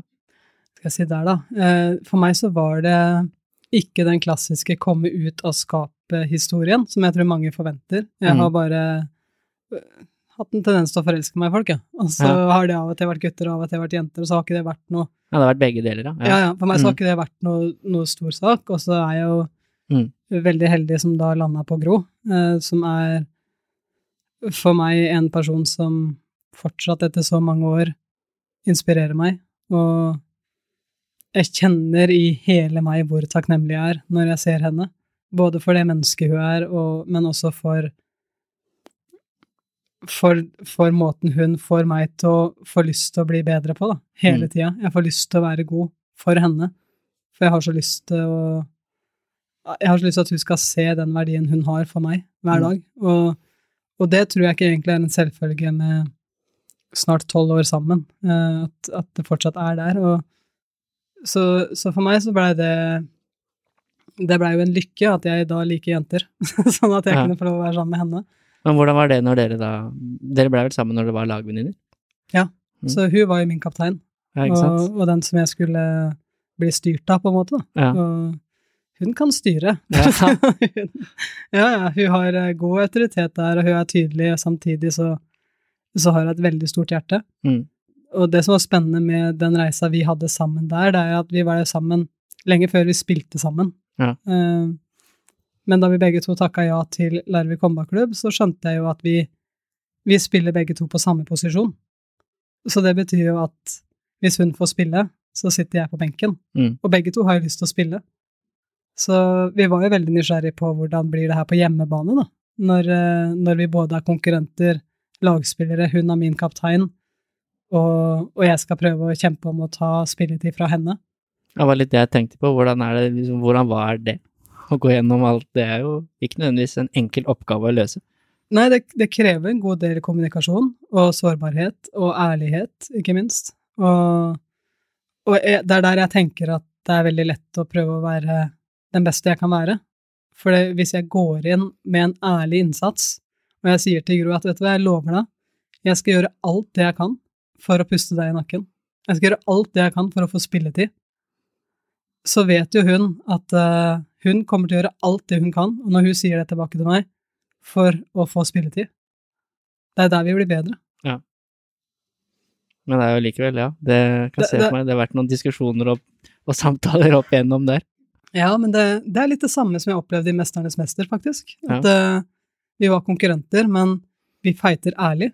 Mm. Alle gir ærlig innsats. Jeg går inn og gjør alt det jeg kan, og den som vinner da, er den som er best. Ja. Det er sånn det er. Ja, og det, den er jo fair, men var, Ja. du var jo ikke sammen med de i Mesternes mester, da. Nei da, det, det lover jeg at jeg ikke var. Hvis du ikke deler livet ditt med dem, liksom. Nei, men det er jo noe med det å se en du er så glad i, lykkes. Ja. Og, og det å faktisk Der hadde jeg kommet såpass langt i min egen personlige utvikling òg, at uh, egoet mitt var ikke så stort lenger eh, som det det hadde vært. Eh, det, det var en av de tinga jeg faktisk måtte våge å gi slipp på. Ja. Og, og det å faktisk glede meg på hennes vegne, på ekte, da. Jeg kjente at jeg gleda meg når hun lykkes, og jeg gleda meg også når Karo lykkes, som også spilte på samme posisjon. Mm. Og den var ærlig. Altså, jeg blei oppriktig glad, fordi vi var et lag. Sant? Vi, var, vi var noen som hadde lyst til å bli bedre sammen, vi hadde lyst til å kjempe sammen. Vi hadde oppriktig lyst til at alle sammen skulle lykkes, både fordi at vi hadde noen resultater som vi hadde lyst til å kjempe for, og fordi vi selvfølgelig likte hverandre, men også veldig mye fordi jeg visste også inni meg at hvis Karo gjør det bra, hvis Gro gjør det bra, så kommer det til å pushe meg såpass mye at jeg er helt nødt for å utvikle meg for i det hele tatt få noe som helst spilletid. Mm. Og da blir jo jeg òg god. Men hvis alle går inn og gjør litt, eller holder tilbake, så kommer jo ikke vi til å nå opp til det som vi drømmer om. Så vi må, vi må kjempe ærlig. Ja, det, en- det var nok en av grunnene til at dere var så gode òg, i så mange år, Mm. og faktisk på et tidspunkt beste lag i verden. Eh, Ja. Det er jo noe med det å klare å, å få alle fornøyde i en sånn gruppe. Det er jo ikke så lett med store personligheter og egoer og veldig, veldig mange gode i samme posisjon. og Det, det er jo noe med det å få det til å funke, eh, som er veldig fascinerende å se når det går, da. Ja, altså, jeg, jeg tror ikke alle var helt fornøyde hele tida. Nei, det er altså, nok ikke. Overhodet ikke. Men, uh, Men det er nå å bruke den energien til noe, da. Mm. Hva har du tenkt å gjøre da? Hvis du ikke er fornøyd, hva gjør du da? Ja, det er, eh, det er veldig fascinerende, og kanskje kommer inn på det litt seinere, men vi må snakke litt om garderobefobi. Ja, ja det var der vi begynte. og det er jo kanskje eh, noe du altså I boka så virker det som du liksom Du kommer med veldig konkrete tips, eh, mentale ting, til det å, mm. å, å, ta deg en kaffe i garderoben. Eh, det å sitte i en sånn ting som du syns er ubehagelig, og ikke bare være der, men å faktisk prøve å være avslappa når du er i den situasjonen som du egentlig mm. syns er ubehagelig. Men uh, allikevel så er det jo noe dypere bak det med liksom at du ikke ville gå inn i en jentegarderobe. Du kan jo få fortelle det selv. Ja, og det, det her har heldigvis gitt slipp eh, med åra nå, men for meg så ble det en superinteressant innsikt. Ja. Og, og, egentlig også starten på noe som var mye større for meg. For når, når vi i vårt samfunn deler inn garderober i herregarderobe og damegarderobe, så er det jo interessant hvorfor gjør vi det? Ja, det ja, Jeg har ikke hvor, reflektert så nei, mye rundt det. Nei, jeg syns bare det er spennende. Eh, jeg har reflektert mye rundt det. Jeg føler ikke jeg har fått noen tydelige svar. Nei. Men uh, det er liksom spørsmål nummer én. Hvorfor deler vi inn i det? Og så er da For meg, da, når jeg da er sammen med en jente, og, og har opplevd at noen medspillere Jeg hadde én medspiller som ikke fikk lov å dusje sammen med meg av kjæresten. Hun hadde da en mannlig kjæreste. Nei. Og hun fikk ikke lov å dusje i garderoben vår av han, da. Og, og det, det, gjorde noe med meg, for da tenkte jeg at er jeg en som forårsaker noe sånt nå, på en måte? Sånne ubehageligheter. Det hadde vært i blindsona mi. Og det, det, gjorde at jeg begynte å tenke mer over det. Samtidig så skjønner jeg at det her er noe han eier, det her er ikke mitt. Men det, det bare fikk meg til å tenke over hele garderobefenomenet, da. Og så er det jo det er jo vi som, som, samfunn som har skapt den her greia med at alle skal ha på seg klær hele tida, og, mm. og sånn. Det, det, er jo kulturelt. Mm. Men uh, hvorfor er det Ja, hvorfor er det så mye tanker og følelser rundt det? Og så begynte jeg liksom å rote med at kanskje er det rart for noen at jeg er der. Og, og kanskje tenker noen at jeg er en som kikker på de. Og ja, så jeg begynte liksom å kjøre huet mitt på det, og så begynte jeg å bli bevisst på at jeg kjørte huet mitt på det. Og så måtte jeg begynne å jobbe med det, da. Mm. Og da begynte jeg å sette ord på det. Og det var vel Marit, tror jeg, var med Frafjord, eh, som begynte å le da når jeg prata om det her, at jeg, jeg syns det her er bare kjemperart, og jeg får lyst til å forte meg ut hver gang. Og jeg, jeg får ikke jeg, jeg, skjønner at dere syns det er kjempehyggelig å sitte og prate i garderoben liksom, litt sånn halvnaken, og at det er en greie av det å være på et lag, men for meg så tok det lang tid før det ble naturlig, da. Ja. Men da sa hun nei, du skal ikke fort ut av garderoben, du setter deg her, og jeg tar med kaffe. Ja. nei, vi skal ikke ta nakenkaffe i garderoben. Jo, vi skal ha nakenkaffe hver torsdag. Så da, da blei det faktisk en greie at jeg måtte trene meg opp i å, å sitte i garderoben og ta en kaffe med hun. Ja. Og faktisk bare akseptere at her er vi nå, og det skal vi kose oss med. ja, du er jo flink til å sette deg i situasjoner som, som er ubehagelige, for å klare å mestre dem, og, ja, og ikke bare sette dem, men gjøre dem verre. Sånn som med Elverum òg, det er jo et eksempel, og det er ikke bare at du skal bli bedre i forsvar, men du gjør det mye verre enn det egentlig det allerede er. Ja, ja, ja, ja. Og, det, og, det, her, det var faktisk Det var verre enn Elverum, altså. Ja. Og det å sitte der og drikke kaffe eh, Ja, det, det, var spennende. Der kjente jeg på mye motstand, og det, det er jo der vi vokser. ja, er du gæren. Men hvordan er det Klarer du å sette noen, noen ord på hvordan, hvordan er det å gå inn i en, en damegarderobe? Nå?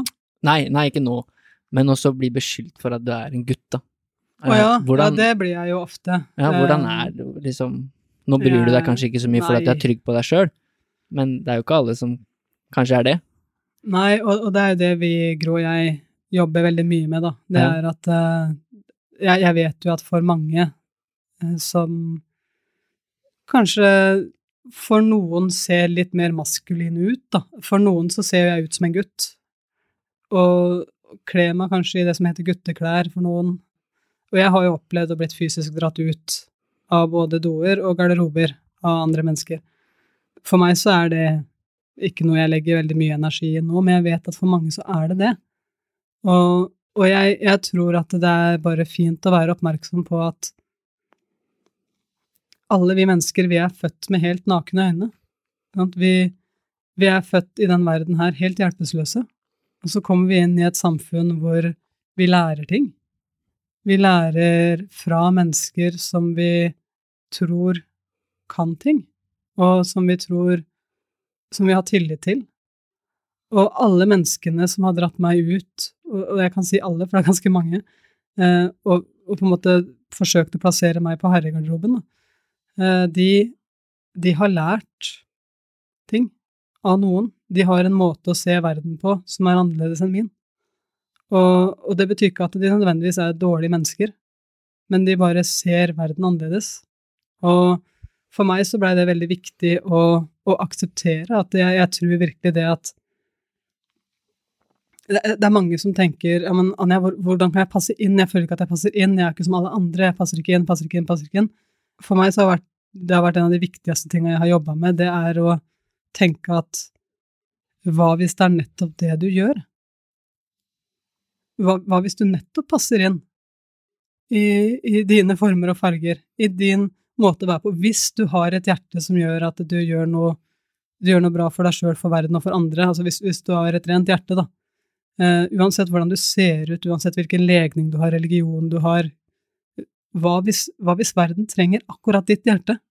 Hva hvis verden trenger at akkurat du viser dine sanne farger, altså hvem du er? Hva hvis det er akkurat det som gjør at du passer inn? Så vær så snill, ikke legg lokk på det fordi at noen drar deg ut fra en garderobe.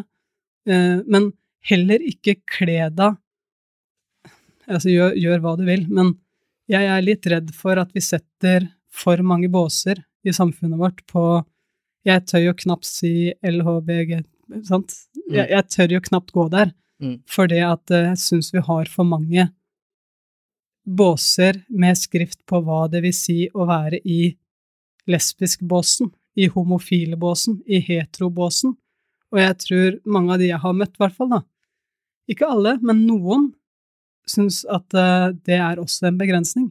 For noen så er det helt fantastisk, og akkurat det de trenger, det er å føle at ah, nå skjønte jeg det. Mens for andre så er det sånn å ja, så jeg er der, ja, ja, de, de som er i den gruppa, de kler seg sånn, de. Ja, de går på den måten, de prater på denne måten. Hvis jeg gjør det, så passer jeg inn. Sånn, så jeg er veldig opptatt av jeg er mye mer opptatt av å ha et åpent hjerte. Vis dine sanne farger. Snakk fra det som er ekte for deg, istedenfor å prøve å sammenligne det og finne ut av kan jeg bli som de andre her?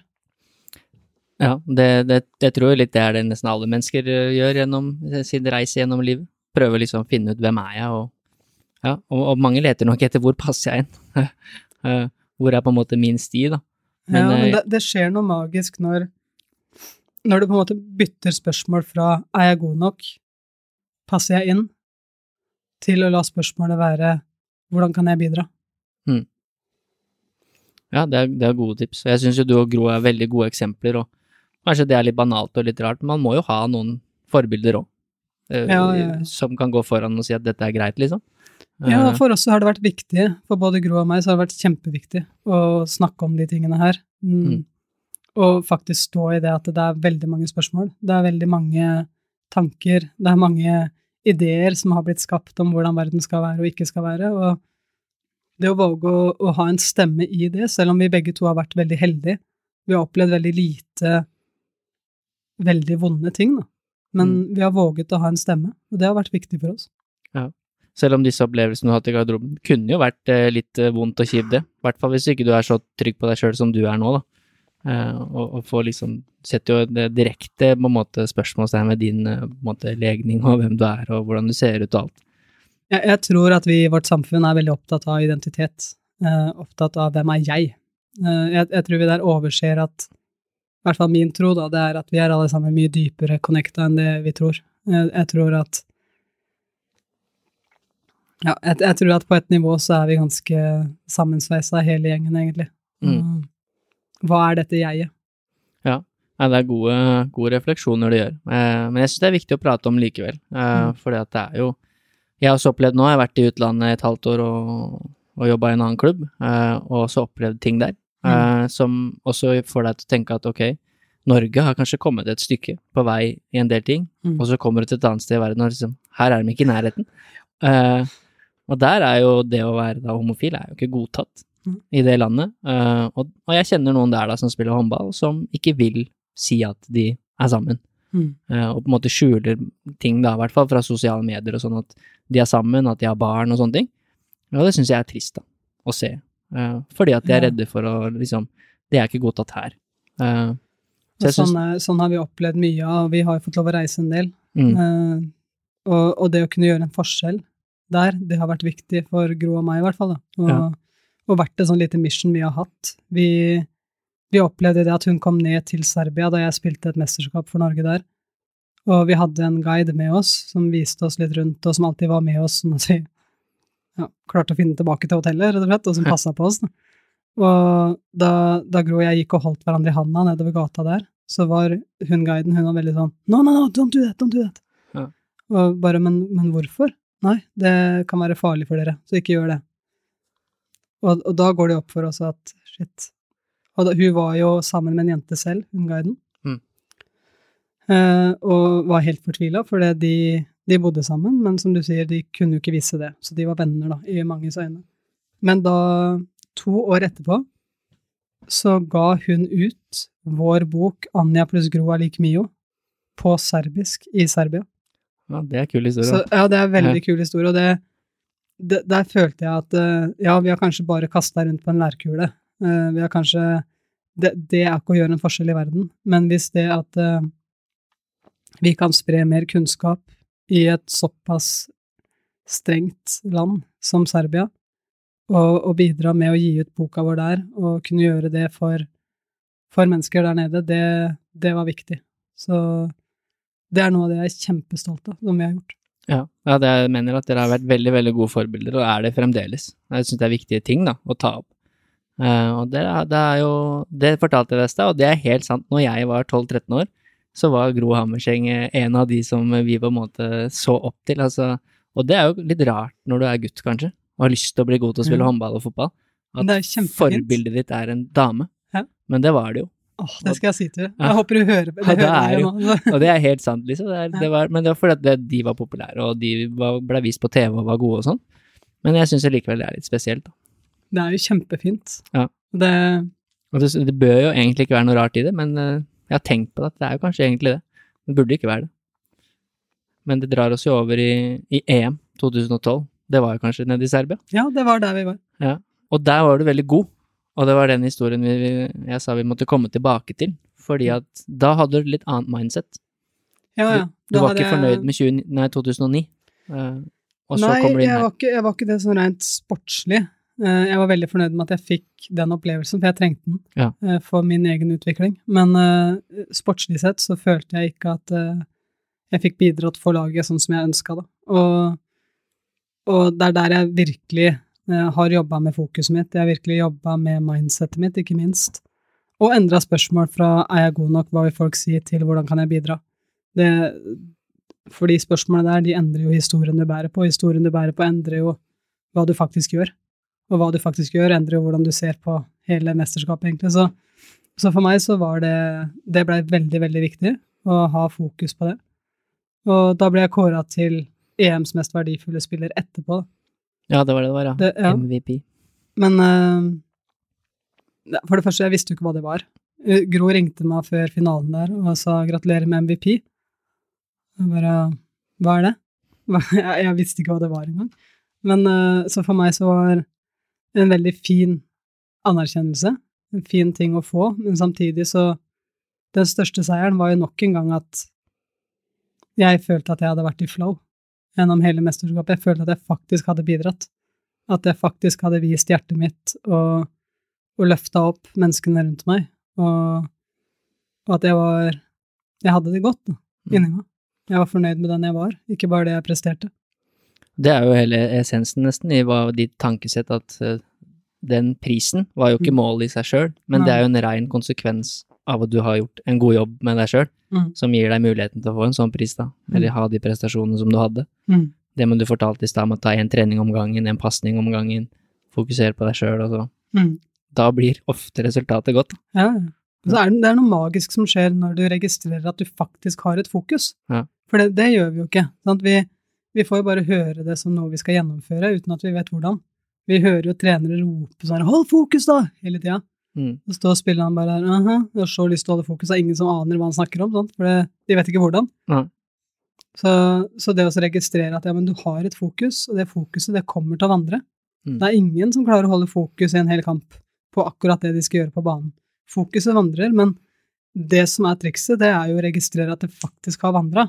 Enten Mm. tilbake i tid eller fram i tid, og så bam, komme deg tilbake i nå-øyeblikket. Mm.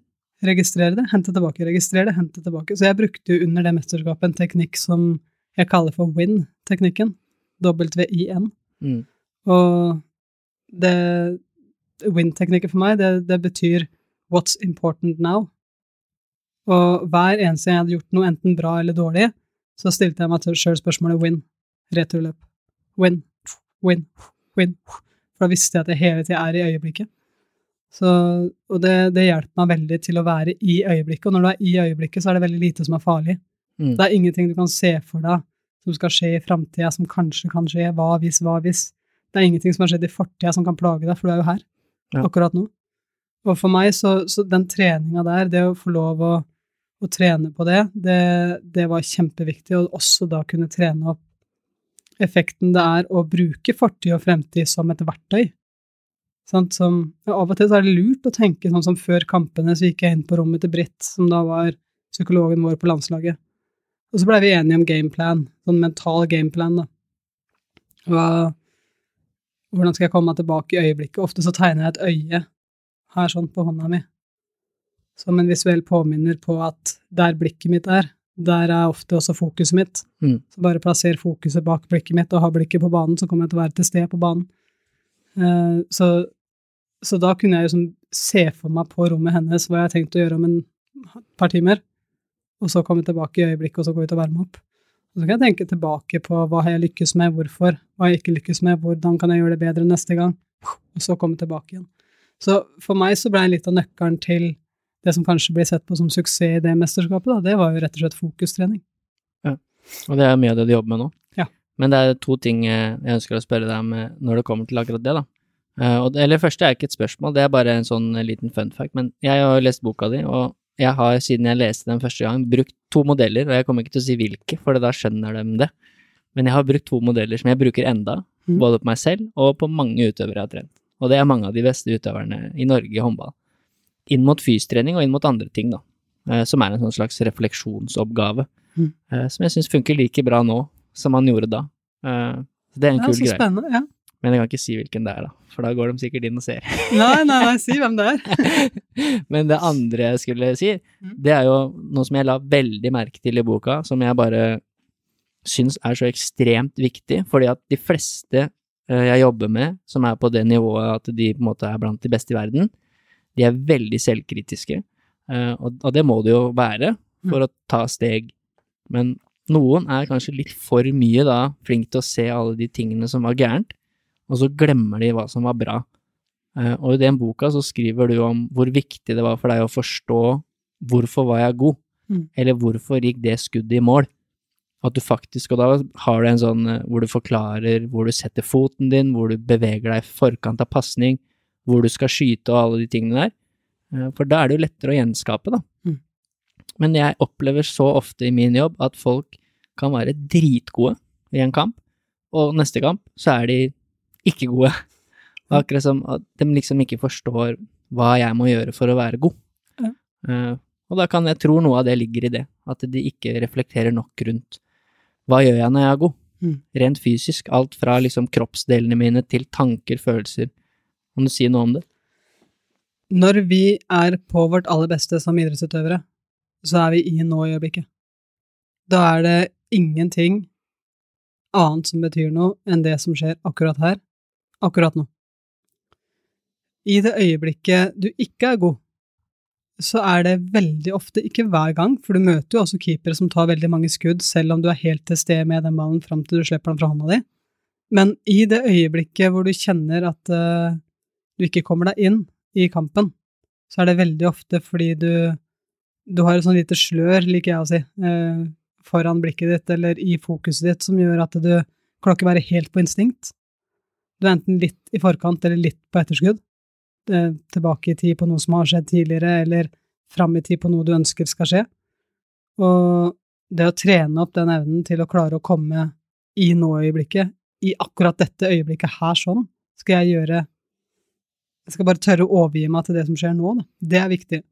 Og, og den øvelsen som du refererer til der sånn, det er jo en visualiseringsøvelse som trener opp hjernen til å tenke at 'jeg har vært her før', sånn at du forstår hvorfor du er god. Når vi var nede i vårt mentale treningsrom i stad, så så du at det lå en lang rød matte der Mm. med tallene 1, 2, 3, 4, 5, 6, 7, 8, 9, 10 på. Det er jo en visualiseringsmatte fra 1 til 10. Så hvis du har gjort et skudd i håndball, så kan du veldig kjapt bruke din mentale verden til å se for deg hva gjorde du faktisk, og på en skala fra 1 til 10, hvor vil du plassere det skuddet hvis 10 er det beste? Så si du lander på fem, da. Ok, så før vi går videre da, så må du finne ut av hva gjorde du faktisk. Gå tilbake i tid i din mentale verden, og kjenn. Hva gjorde du med kroppen din? Altså, og da står du jo gjerne når du gjør det her sånn, sånn at du får, du får den reelle fysiske tilstanden. Eh, hva gjorde du faktisk? Hvordan tok du imot ballen? Hvilke muskler ble aktive til enhver tid? Eh, hvor var blikket ditt? Og det her var det som fikk et femmerutfall. Fett. Hvis du nå skal ta det skuddet der sånn, opp ett hakk, fra fem til seks, hva gjør du i tillegg da? Ofte da så vil jo mange merke at ja, men kanskje var jeg litt hard med meg sjøl, det er egentlig bare én eller to små detaljer som gjør at jeg hadde scora tieren, at jeg hadde gjort så gjort det skuddet til et tierskudd. Eh, og andre ganger så er det faktisk helt eh, helt eh, reelt at de har landa på en femmer. Men da får du også litt sånn svaret på er du for hard med deg sjøl, eller er du egentlig bare en liten detalj unna det beste du kunne gjort akkurat der. Men når du går den løypa, så begynner du å legge merke til når jeg gjør dette, så havner jeg på en femmer, når jeg gjør dette, så havner jeg på en sekser. Her er der jeg er når jeg er på ti av ti. Og da jeg, når jeg bruker den for eksempel når jeg spilte håndball, så sto jeg hjemme i stua og lukker øynene, og så kjente jeg, plasserte kroppen min, hadde en ball i hånda, og virkelig bare gjorde bevegelsen, sånn at jeg kunne trene opp hjernen min og kroppen min til å forstå hva jeg faktisk gjorde i det tempoet jeg utførte skuddet på. Så for folk som gikk forbi huset vårt, så så det sikkert kjemperart ut, for der står jeg og bare faker skudd hjemme i stua, men, men for meg så blei det en mental forberedelse på det er det her, det er i dette tempoet, disse musklene blir aktive, det er denne bevegelsen, den skal være så rask. Eh, og, og, da, sånn trente jeg skudd, sånn trente jeg finter allerede før treninga starta. Så jeg kaller den her eh, prestasjonsskalaen, der jeg hele tida har en forståelse av hvorfor havna jeg der og ikke der, eh, hvorfor havna jeg ikke på tre? Jeg har gjort noe riktig, det er ikke nødvendig å slakte meg sjøl. Jeg havna på en femmer, så noe har vært bra. Hvorfor har det vært bra? Og så bygge videre oppover. Ja, det er jo en interessant drill, og jeg tror det er, det er viktig for folk. Og om de ikke bruker akkurat den, men det er jo bare en metode. Det er, et, Ja, ja, ja. Det er et verktøy, som alt annet.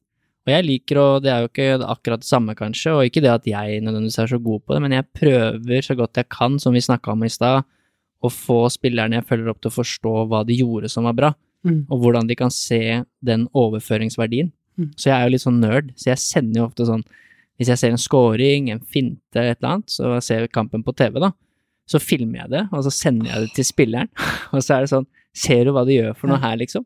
Jeg har gjort det med Guro Nestaker, for eksempel, som har tatt veldig store steg sånn eksplosivt. Uh, og liksom, se hva du gjør her, og skjønner du hva som gjør at du klarer å sveve forbi de spillerne, eller gå gjennom på utsida? Og så er det mange svar, men en av de tingene jeg ser på sånn rent fysisk i de situasjonene, var da foten hennes, da. Mm. Og hvordan den akselererer, som er noe vi har jobba mye med, da. Det er små Det er muskler under foten Ja. som er veldig viktige for eksplosiviteten for det som treffer gulvet først, er jo føttene dine. Mm. Og hvis du skal være eksplosiv, så må føttene dine være eksplosive.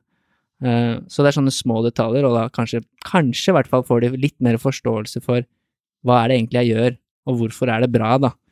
Eh, Jeg elsker det, for det tar bort eh, fokuset på at det kan være flaks uflaks. Du Ja. vet at det er en grunn til at du får de resultatene du får, og det kan være noe så enkelt som foten. Mm. Pluss at når du da sender henne den videoen, så ser hun seg selv lykkes. Det er kunsten å ta folk på fersken og lykkes. Og veldig ofte så snurrer vi jo film oppi huet vårt uansett. Men det er ikke så mange som har trent seg sjøl opp i å snurre positive filmklipp. Så det å ha noen som faktisk sender deg filmer på de små tingene du gjør når du lykkes, og trene opp nysgjerrigheten rundt det, sånn at du kan gjenskape det, det tror jeg er veldig på. Ja, jeg håper og tror at det kan ha en forskjell, for det er de ofte små detaljene. For disse spillerne er jo sånn som du òg var, fra før veldig, veldig gode. Sånn at det er, som du sier, ofte bare en små detalj, en småting, som gjør at du kanskje kan få det fra en åtter til en tier, Mm. eh, som, som er kanskje det du må klare for å virkelig prestere helt på topp, da. Og Mm. det er som regel småting. Så det er noe med de detaljene.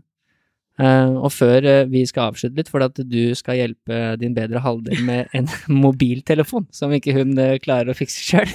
Hun er bare helskjønn. Så Gro har det- noen svake sider, hun òg. Ja, det er veldig få. ikke tro det, men. Nei, men det hun nok ville sagt nå, det er at Gro er god på å, på å finne spisskompetanser hos folk, Ja. og akkurat der har jeg spisskompetansen. Ja, for å fordele ansvaret. Ja. Så jeg vil jo først få deg til å fortelle litt kjapt hva du driver med nå, og du har jo egentlig snakket veldig mye om det, for Mm. det driver du med i dag. Mm. Du driver et selskap som heter Fairless, eller heter det Fairless Heart? Fearless Heart. Fairless Heart, Mm. ja.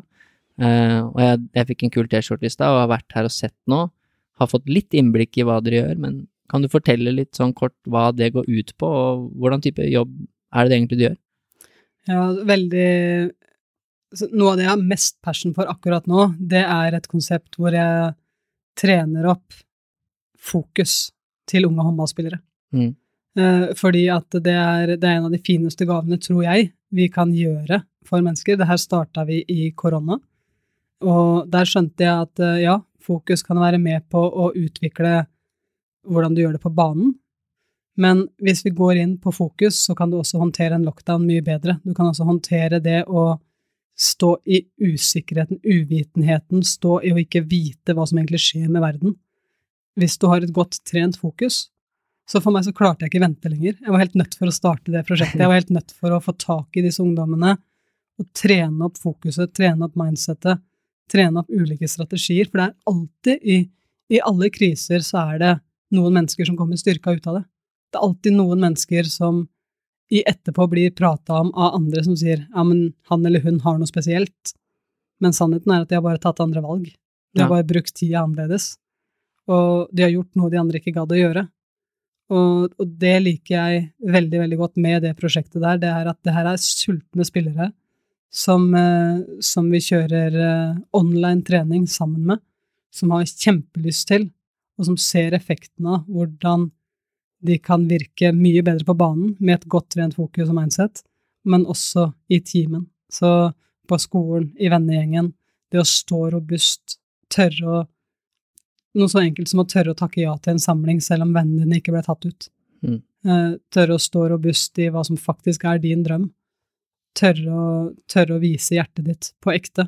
Vise hvem du er, og, og faktisk gå av og til få hjelp med å finne ut av hvem er det. Hva Mm. er det? Og, så, så det er et av mine hjerteprosjekter akkurat nå, det er å hjelpe disse unge håndballspillerne så mye jeg kan. Og etter hvert så er jo ambisjonen da å utvide til idrett, for det, det får vi mange spørsmål om nå. Det er, er jo ikke bare håndball, og det er jo ikke det. Det er bare min måte å gi tilbake til håndballen på. Uh, men uh, det er et hjerteprosjekt. Men det her er jo, det er jo fokus jeg trener. uh, og det er fokus og mindset jeg jobber med ut mot idrettslag, ut mot privatpersoner, men også næringsliv, selvfølgelig, da. Veldig mye. Ja, det er spennende, og det er gøy å følge med. Og jeg skal jo vært så heldig å få lov å ha en, skal ha en livesending med dere for noen av disse utøverne. Eh, Og da regner jeg med jeg skal prate om fysisk trening. Eh, og forhåpentligvis så kan jeg komme med noen erfaringer som, eh, som kanskje kan lære dem noe, da. Ja, det er jeg jeg så takknemlig for, at du, du tar deg tid til det, og at du har lyst til å være med på det, for det er mange som famler i blinde. Det er mange som eh, Altså, de er, de er så innmari flinke til å ha lyst til å gjøre alt korrekt, og Mm. det respekterer jeg de så mye for. Og samtidig så tror jeg at uh, ved å hele tida tenke at det er mer, mer, mer som gjelder, og de ikke ser helheten, så er det så mange som går på sånne kjipe skader, og så blir de ute en lang periode. Og så er det mange som ikke har den kompetansen. Sant? Det er mange som har foreldretrenere fortsatt, som ikke vet hvordan de faktisk kan trene sånn at de får raskere utvikling da, på en håndballbane. Mm. Eh, så, så det at du kan snakke med de, og at de kan lære av deg dine tanker, din filosofi, det, ah, det gjør meg skikkelig glad. Det er jeg takknemlig for. Jeg håper det. Jeg gleder meg veldig til det. Samtidig er jeg jo spent, for det er jo ikke noe jeg har gjort på den måten før, så det blir nytt for meg òg. Og det er en morsom utfordring å få, da. I hvert fall når de er vant til å ha gode forelesere, sånn som dere, da, eh, eller hva dere kaller dere for, trenere, eller eh, hva det er for noe. Eh, så det blir veldig spennende. Gleder meg til å gjøre det. Og det er jo mange ting jeg kunne prata med deg om, kjenner jeg, som, som har vært verdifullt for folk der ute. Men du har et liv du òg, så jeg kan ikke, kan ikke oppta tida di hele dagen. Nei, men, men, det er veldig godt å, å, få lov å prate om de temaene her, for det er jo veldig, veldig nære hjertet mitt. Så det, det er jeg takknemlig for. Og det merker man jo. Men det jeg vil spørre deg om til slutt, er jo er noen, Nå har du hatt mange, men om du kan eh, oppsummere noen, og kanskje komme med noen sånn konkrete tips til utøvere der ute, da, hvis man gjør det veldig spesifikt, eh, hvordan de kan trene opp fokuset sitt, og disse tingene du har prata om nå. Og du har vært inne på meditasjon og forskjellige typer oppgaver du kan gjøre, og hva er liksom dine aller beste tips for at folk i hvert fall skal få begynt med det, da? Ja, begynn med å vite at du har et fokus. Ja. Du, du, har et fokus, og det fokuset kommer til å vandre. Og det er en forskjell på din fysiske verden og din mentale verden. Eh, du har et fokus, det kommer til å vandre fra der du er med kroppen din, og så kommer du til å tenke på ting. Det er egentlig det fokuset er. Da tenker du på ting. Din oppgave er å hente det tilbake igjen. Og klarer du det som idrettsutøver, du kan bruke mange teknikker for det. Jeg bruker jo veldig mye meditasjon, men jeg bruker også veldig mye eh, Veldig mange andre teknikker for det. Det er, det er, måten jeg trener folk på, det er jo ofte ved å gjøre det i praksis. Så av og til så veileder jeg i meditasjon, av og til så veileder jeg i ren fokustrening. Men, men det er det å vite at du faktisk har et fokus. Du er ikke fokuset ditt, du er den som kan registrere hvor det er, og så plassere det der du vil ha det. Og det at du faktisk har den makta, det er bare det aleine er en transformasjon. Så hvis du kobler på vindteknikken på den, what's important now, stiller deg det spørsmålet hver eneste gang du kjenner at fokuset ditt vandrer, om det er for at du er irritert på treneren din fordi du har lite spilletid, eller om du kjenner at uh, det er noe dritt at du har blitt skada igjen, eller du kjenner at du fortsatt irriterer deg over det bomskuddet du hadde i første omgang. Win! What's important now? Ja, fokuset har vandra, det har vandra litt tilbake i tid. Din oppgave er å hente det tilbake igjen. For klarer du det, så klarer du også å komme inn i nå-øyeblikket. Du gir deg sjøl bedre repetisjoner. Og da har du mye større sjanse for å være oppriktig stolt av deg sjøl, fordi du klarer å få til mer av det du drømmer om å få til. Så, ja. Ja, Det er bra, det er mange tips, og jeg tror det er mange som blir inspirert av episoden, og som eh, sikkert også syns at mye av dette her er litt vanskelig, for det er jo, som du sa, du har jo jobba veldig for det. Dette var jo ikke lett for deg heller. Du har jobba for det i mange år, eh, og mm. liksom bygge den mentale grunnmuren som du har nå, og få den forståelsen, da. Men det letteste du kan gjøre, det er gjennom dagen i dag. Hvis du hører på denne podkasten her i løpet av en eller annen dag, da, og du skal i en samtale med andre mennesker i løpet av dagen, eller du sitter og ser på noe på Mac-en, eller du sitter og leser et eller annet, i alle de øyeblikkene så kommer du til å merke at fokuset vandrer over på noe annet. Mm. For der er vi ganske godt trent, alle sammen. Så din jobb det er egentlig bare da å registrere ah, du havna der, og så bam, hente tilbake igjen. Ja. For der har du gitt deg sjøl én repetisjon. Og for hver gang du gir deg sjøl én repetisjon på det, så blir du litt bedre på å hente det tilbake igjen. Og, så det er den enkleste måten. Du trenger ikke sitte i lotus eller sitte og meditere deg fram, bare gjør det i det daglige når du kjenner at fokuset vandrer. Kom deg tilbake igjen. For det tar litt tid før du kan sitte ti timer, sånn som du gjorde. Ja da, du trenger ikke begynne der. det tar tid. Du skal få et avsluttende spørsmål som er veldig konkret. Eh, men før det så ønsker jeg å oppfordre folk til å sende deg en melding, eh, om det er på Instagram eller hvor det er. fordi at, eh, som du oppfordra veldig til i stad, så hvis du lurer på noe rundt det her, så er du en som er veldig flink på det. Så hvorfor ikke ta kontakt da, og, og stille et spørsmål? Du ja, jeg blir glad hvis, hvis, det er noen som tar kontakt. Jeg, jeg, er på Instagram nå. Jeg har vært mm. en pause på fire år på sosiale medier. Det er såpass, ja. Så, ja på grunn av fokuset, kanskje? Yes. Eh, men jeg er på Instagram nå, og, og, jeg er innom der innimellom. Og da er jeg under kontoen Anja Hammersengen din, mm. så da kan folk sende meg melding. Og så har dere vel en hjemmeside òg? Fearless? Ja. fearlessheart.no. Mm. Ja, det er spennende. Uh, og jeg håper at vi kan jo, om ikke samarbeide, i hvert fall uh, har diskusjoner og ting i framtiden. Ja. For det er jo veldig connecta inn mot de tingene jeg driver med, og ting som jeg syns er viktig, da. Men det siste spørsmålet er, nå er jo du uh, Hvor gammel er du nå, forresten? 38 år. 38? Mm. Jeg trodde faktisk ikke du var Jeg trodde du var 35-36. Ja, det er godt uh... ah, Da er det bare å takke ja til ja. samarbeidet. Men uansett, da. Du har blitt 38 år, du har fått mye erfaring, masse verktøy i, i, hodet og i, i, deg selv. Og virker som du er veldig trygg på deg sjøl og vet liksom hva som du brenner for, og hva som er viktig for deg. Hva ville du sagt til Anja som var 15 år, eller kanskje 14, eller når du var ung, da, og kanskje ikke var så trygg på ting? Hva er du ville sagt til henne? 38 år gamle Anja til si 15 år gamle, da. Mm. Um, når jeg var 15 år gammel, så hadde jeg det egentlig veldig gøy. Jeg hadde en uh, evne til å slakte meg sjøl veldig når jeg ikke fikk til ting. Og allerede da så, så, fikk jeg mye hjelp med det. Ikke fordi at jeg hadde noen mentale utfordringer, men fordi jeg kjente at det hjalp meg veldig, da. Så jeg tror jeg hadde en helt vanlig mental helse som alle andre, men jeg slakta meg sjøl veldig hvis ikke jeg lykkes. Og jeg tror hvis jeg skulle sagt noe til meg sjøl der sånn, så hadde jeg jobba med fokus. Jeg hadde fortalt meg selv at uh, hei, du har et fokus, og grunnen til at du slakter deg sjøl, det er fordi du nå er oppe i den mentale verden, og du er ikke fokuset ditt. Det er som en publikummer som sitter og ser på en kamp. Du er publikummeren som kan se på hvor fokuset faktisk er, og så kan du hente det tilbake igjen. Så du spiller ikke kampen, du bare er den som kan observere den. Så hvis jeg hadde skjønt det når jeg var 14, så tror jeg at jeg hadde gitt slipp på mye frustrasjon, gitt slipp på mye som holdt meg tilbake, gitt slipp på mye tolkninger, analyse av hva andre kanskje mente om ting, og turt også bare levd i øyeblikket, da. Ja, det er jo morsomt at det, det, er det samme som du jobber med i dag. Det ja. tipset du lite, det er ikke noe annet. Så det der er jo like relevant nå, så jeg var jo litt sånn spent på det med boka di, liksom. Ja, jeg har hatt lyst til å stille Anja disse spørsmålene lenge, men er det fortsatt relevant? Eh, og det har det jo vært. Så. Ja, ja, det er kjemperelevant, og det er eh, det, det, er noe sånn ganske rått som skjer når du skjønner at du er ikke fokuset ditt. Ja. Det er eh, det er så vanvittig mye som Ifølge en studie fra Harvard så er vi 47% av tida vår i den mentale verden. Ja. Og det er jo det er mye, syns jeg. Og allikevel så er vi så lite trent i hvordan vi kan navigere der oppe. Mm. Og, og, da altså smelte sammen de to verdenene, sånn at vi faktisk eh, kan bruke det til vår fordel. Det brenner jeg veldig for. Ja, det er kult. Det har vært en eh, veldig, veldig interessant episode. Eh, men vi må jo kutte nå, sånn at du får hjulpet eh, Gro med å få seg ny telefon, for det må man jo òg ha. Det må man ha, det er viktig.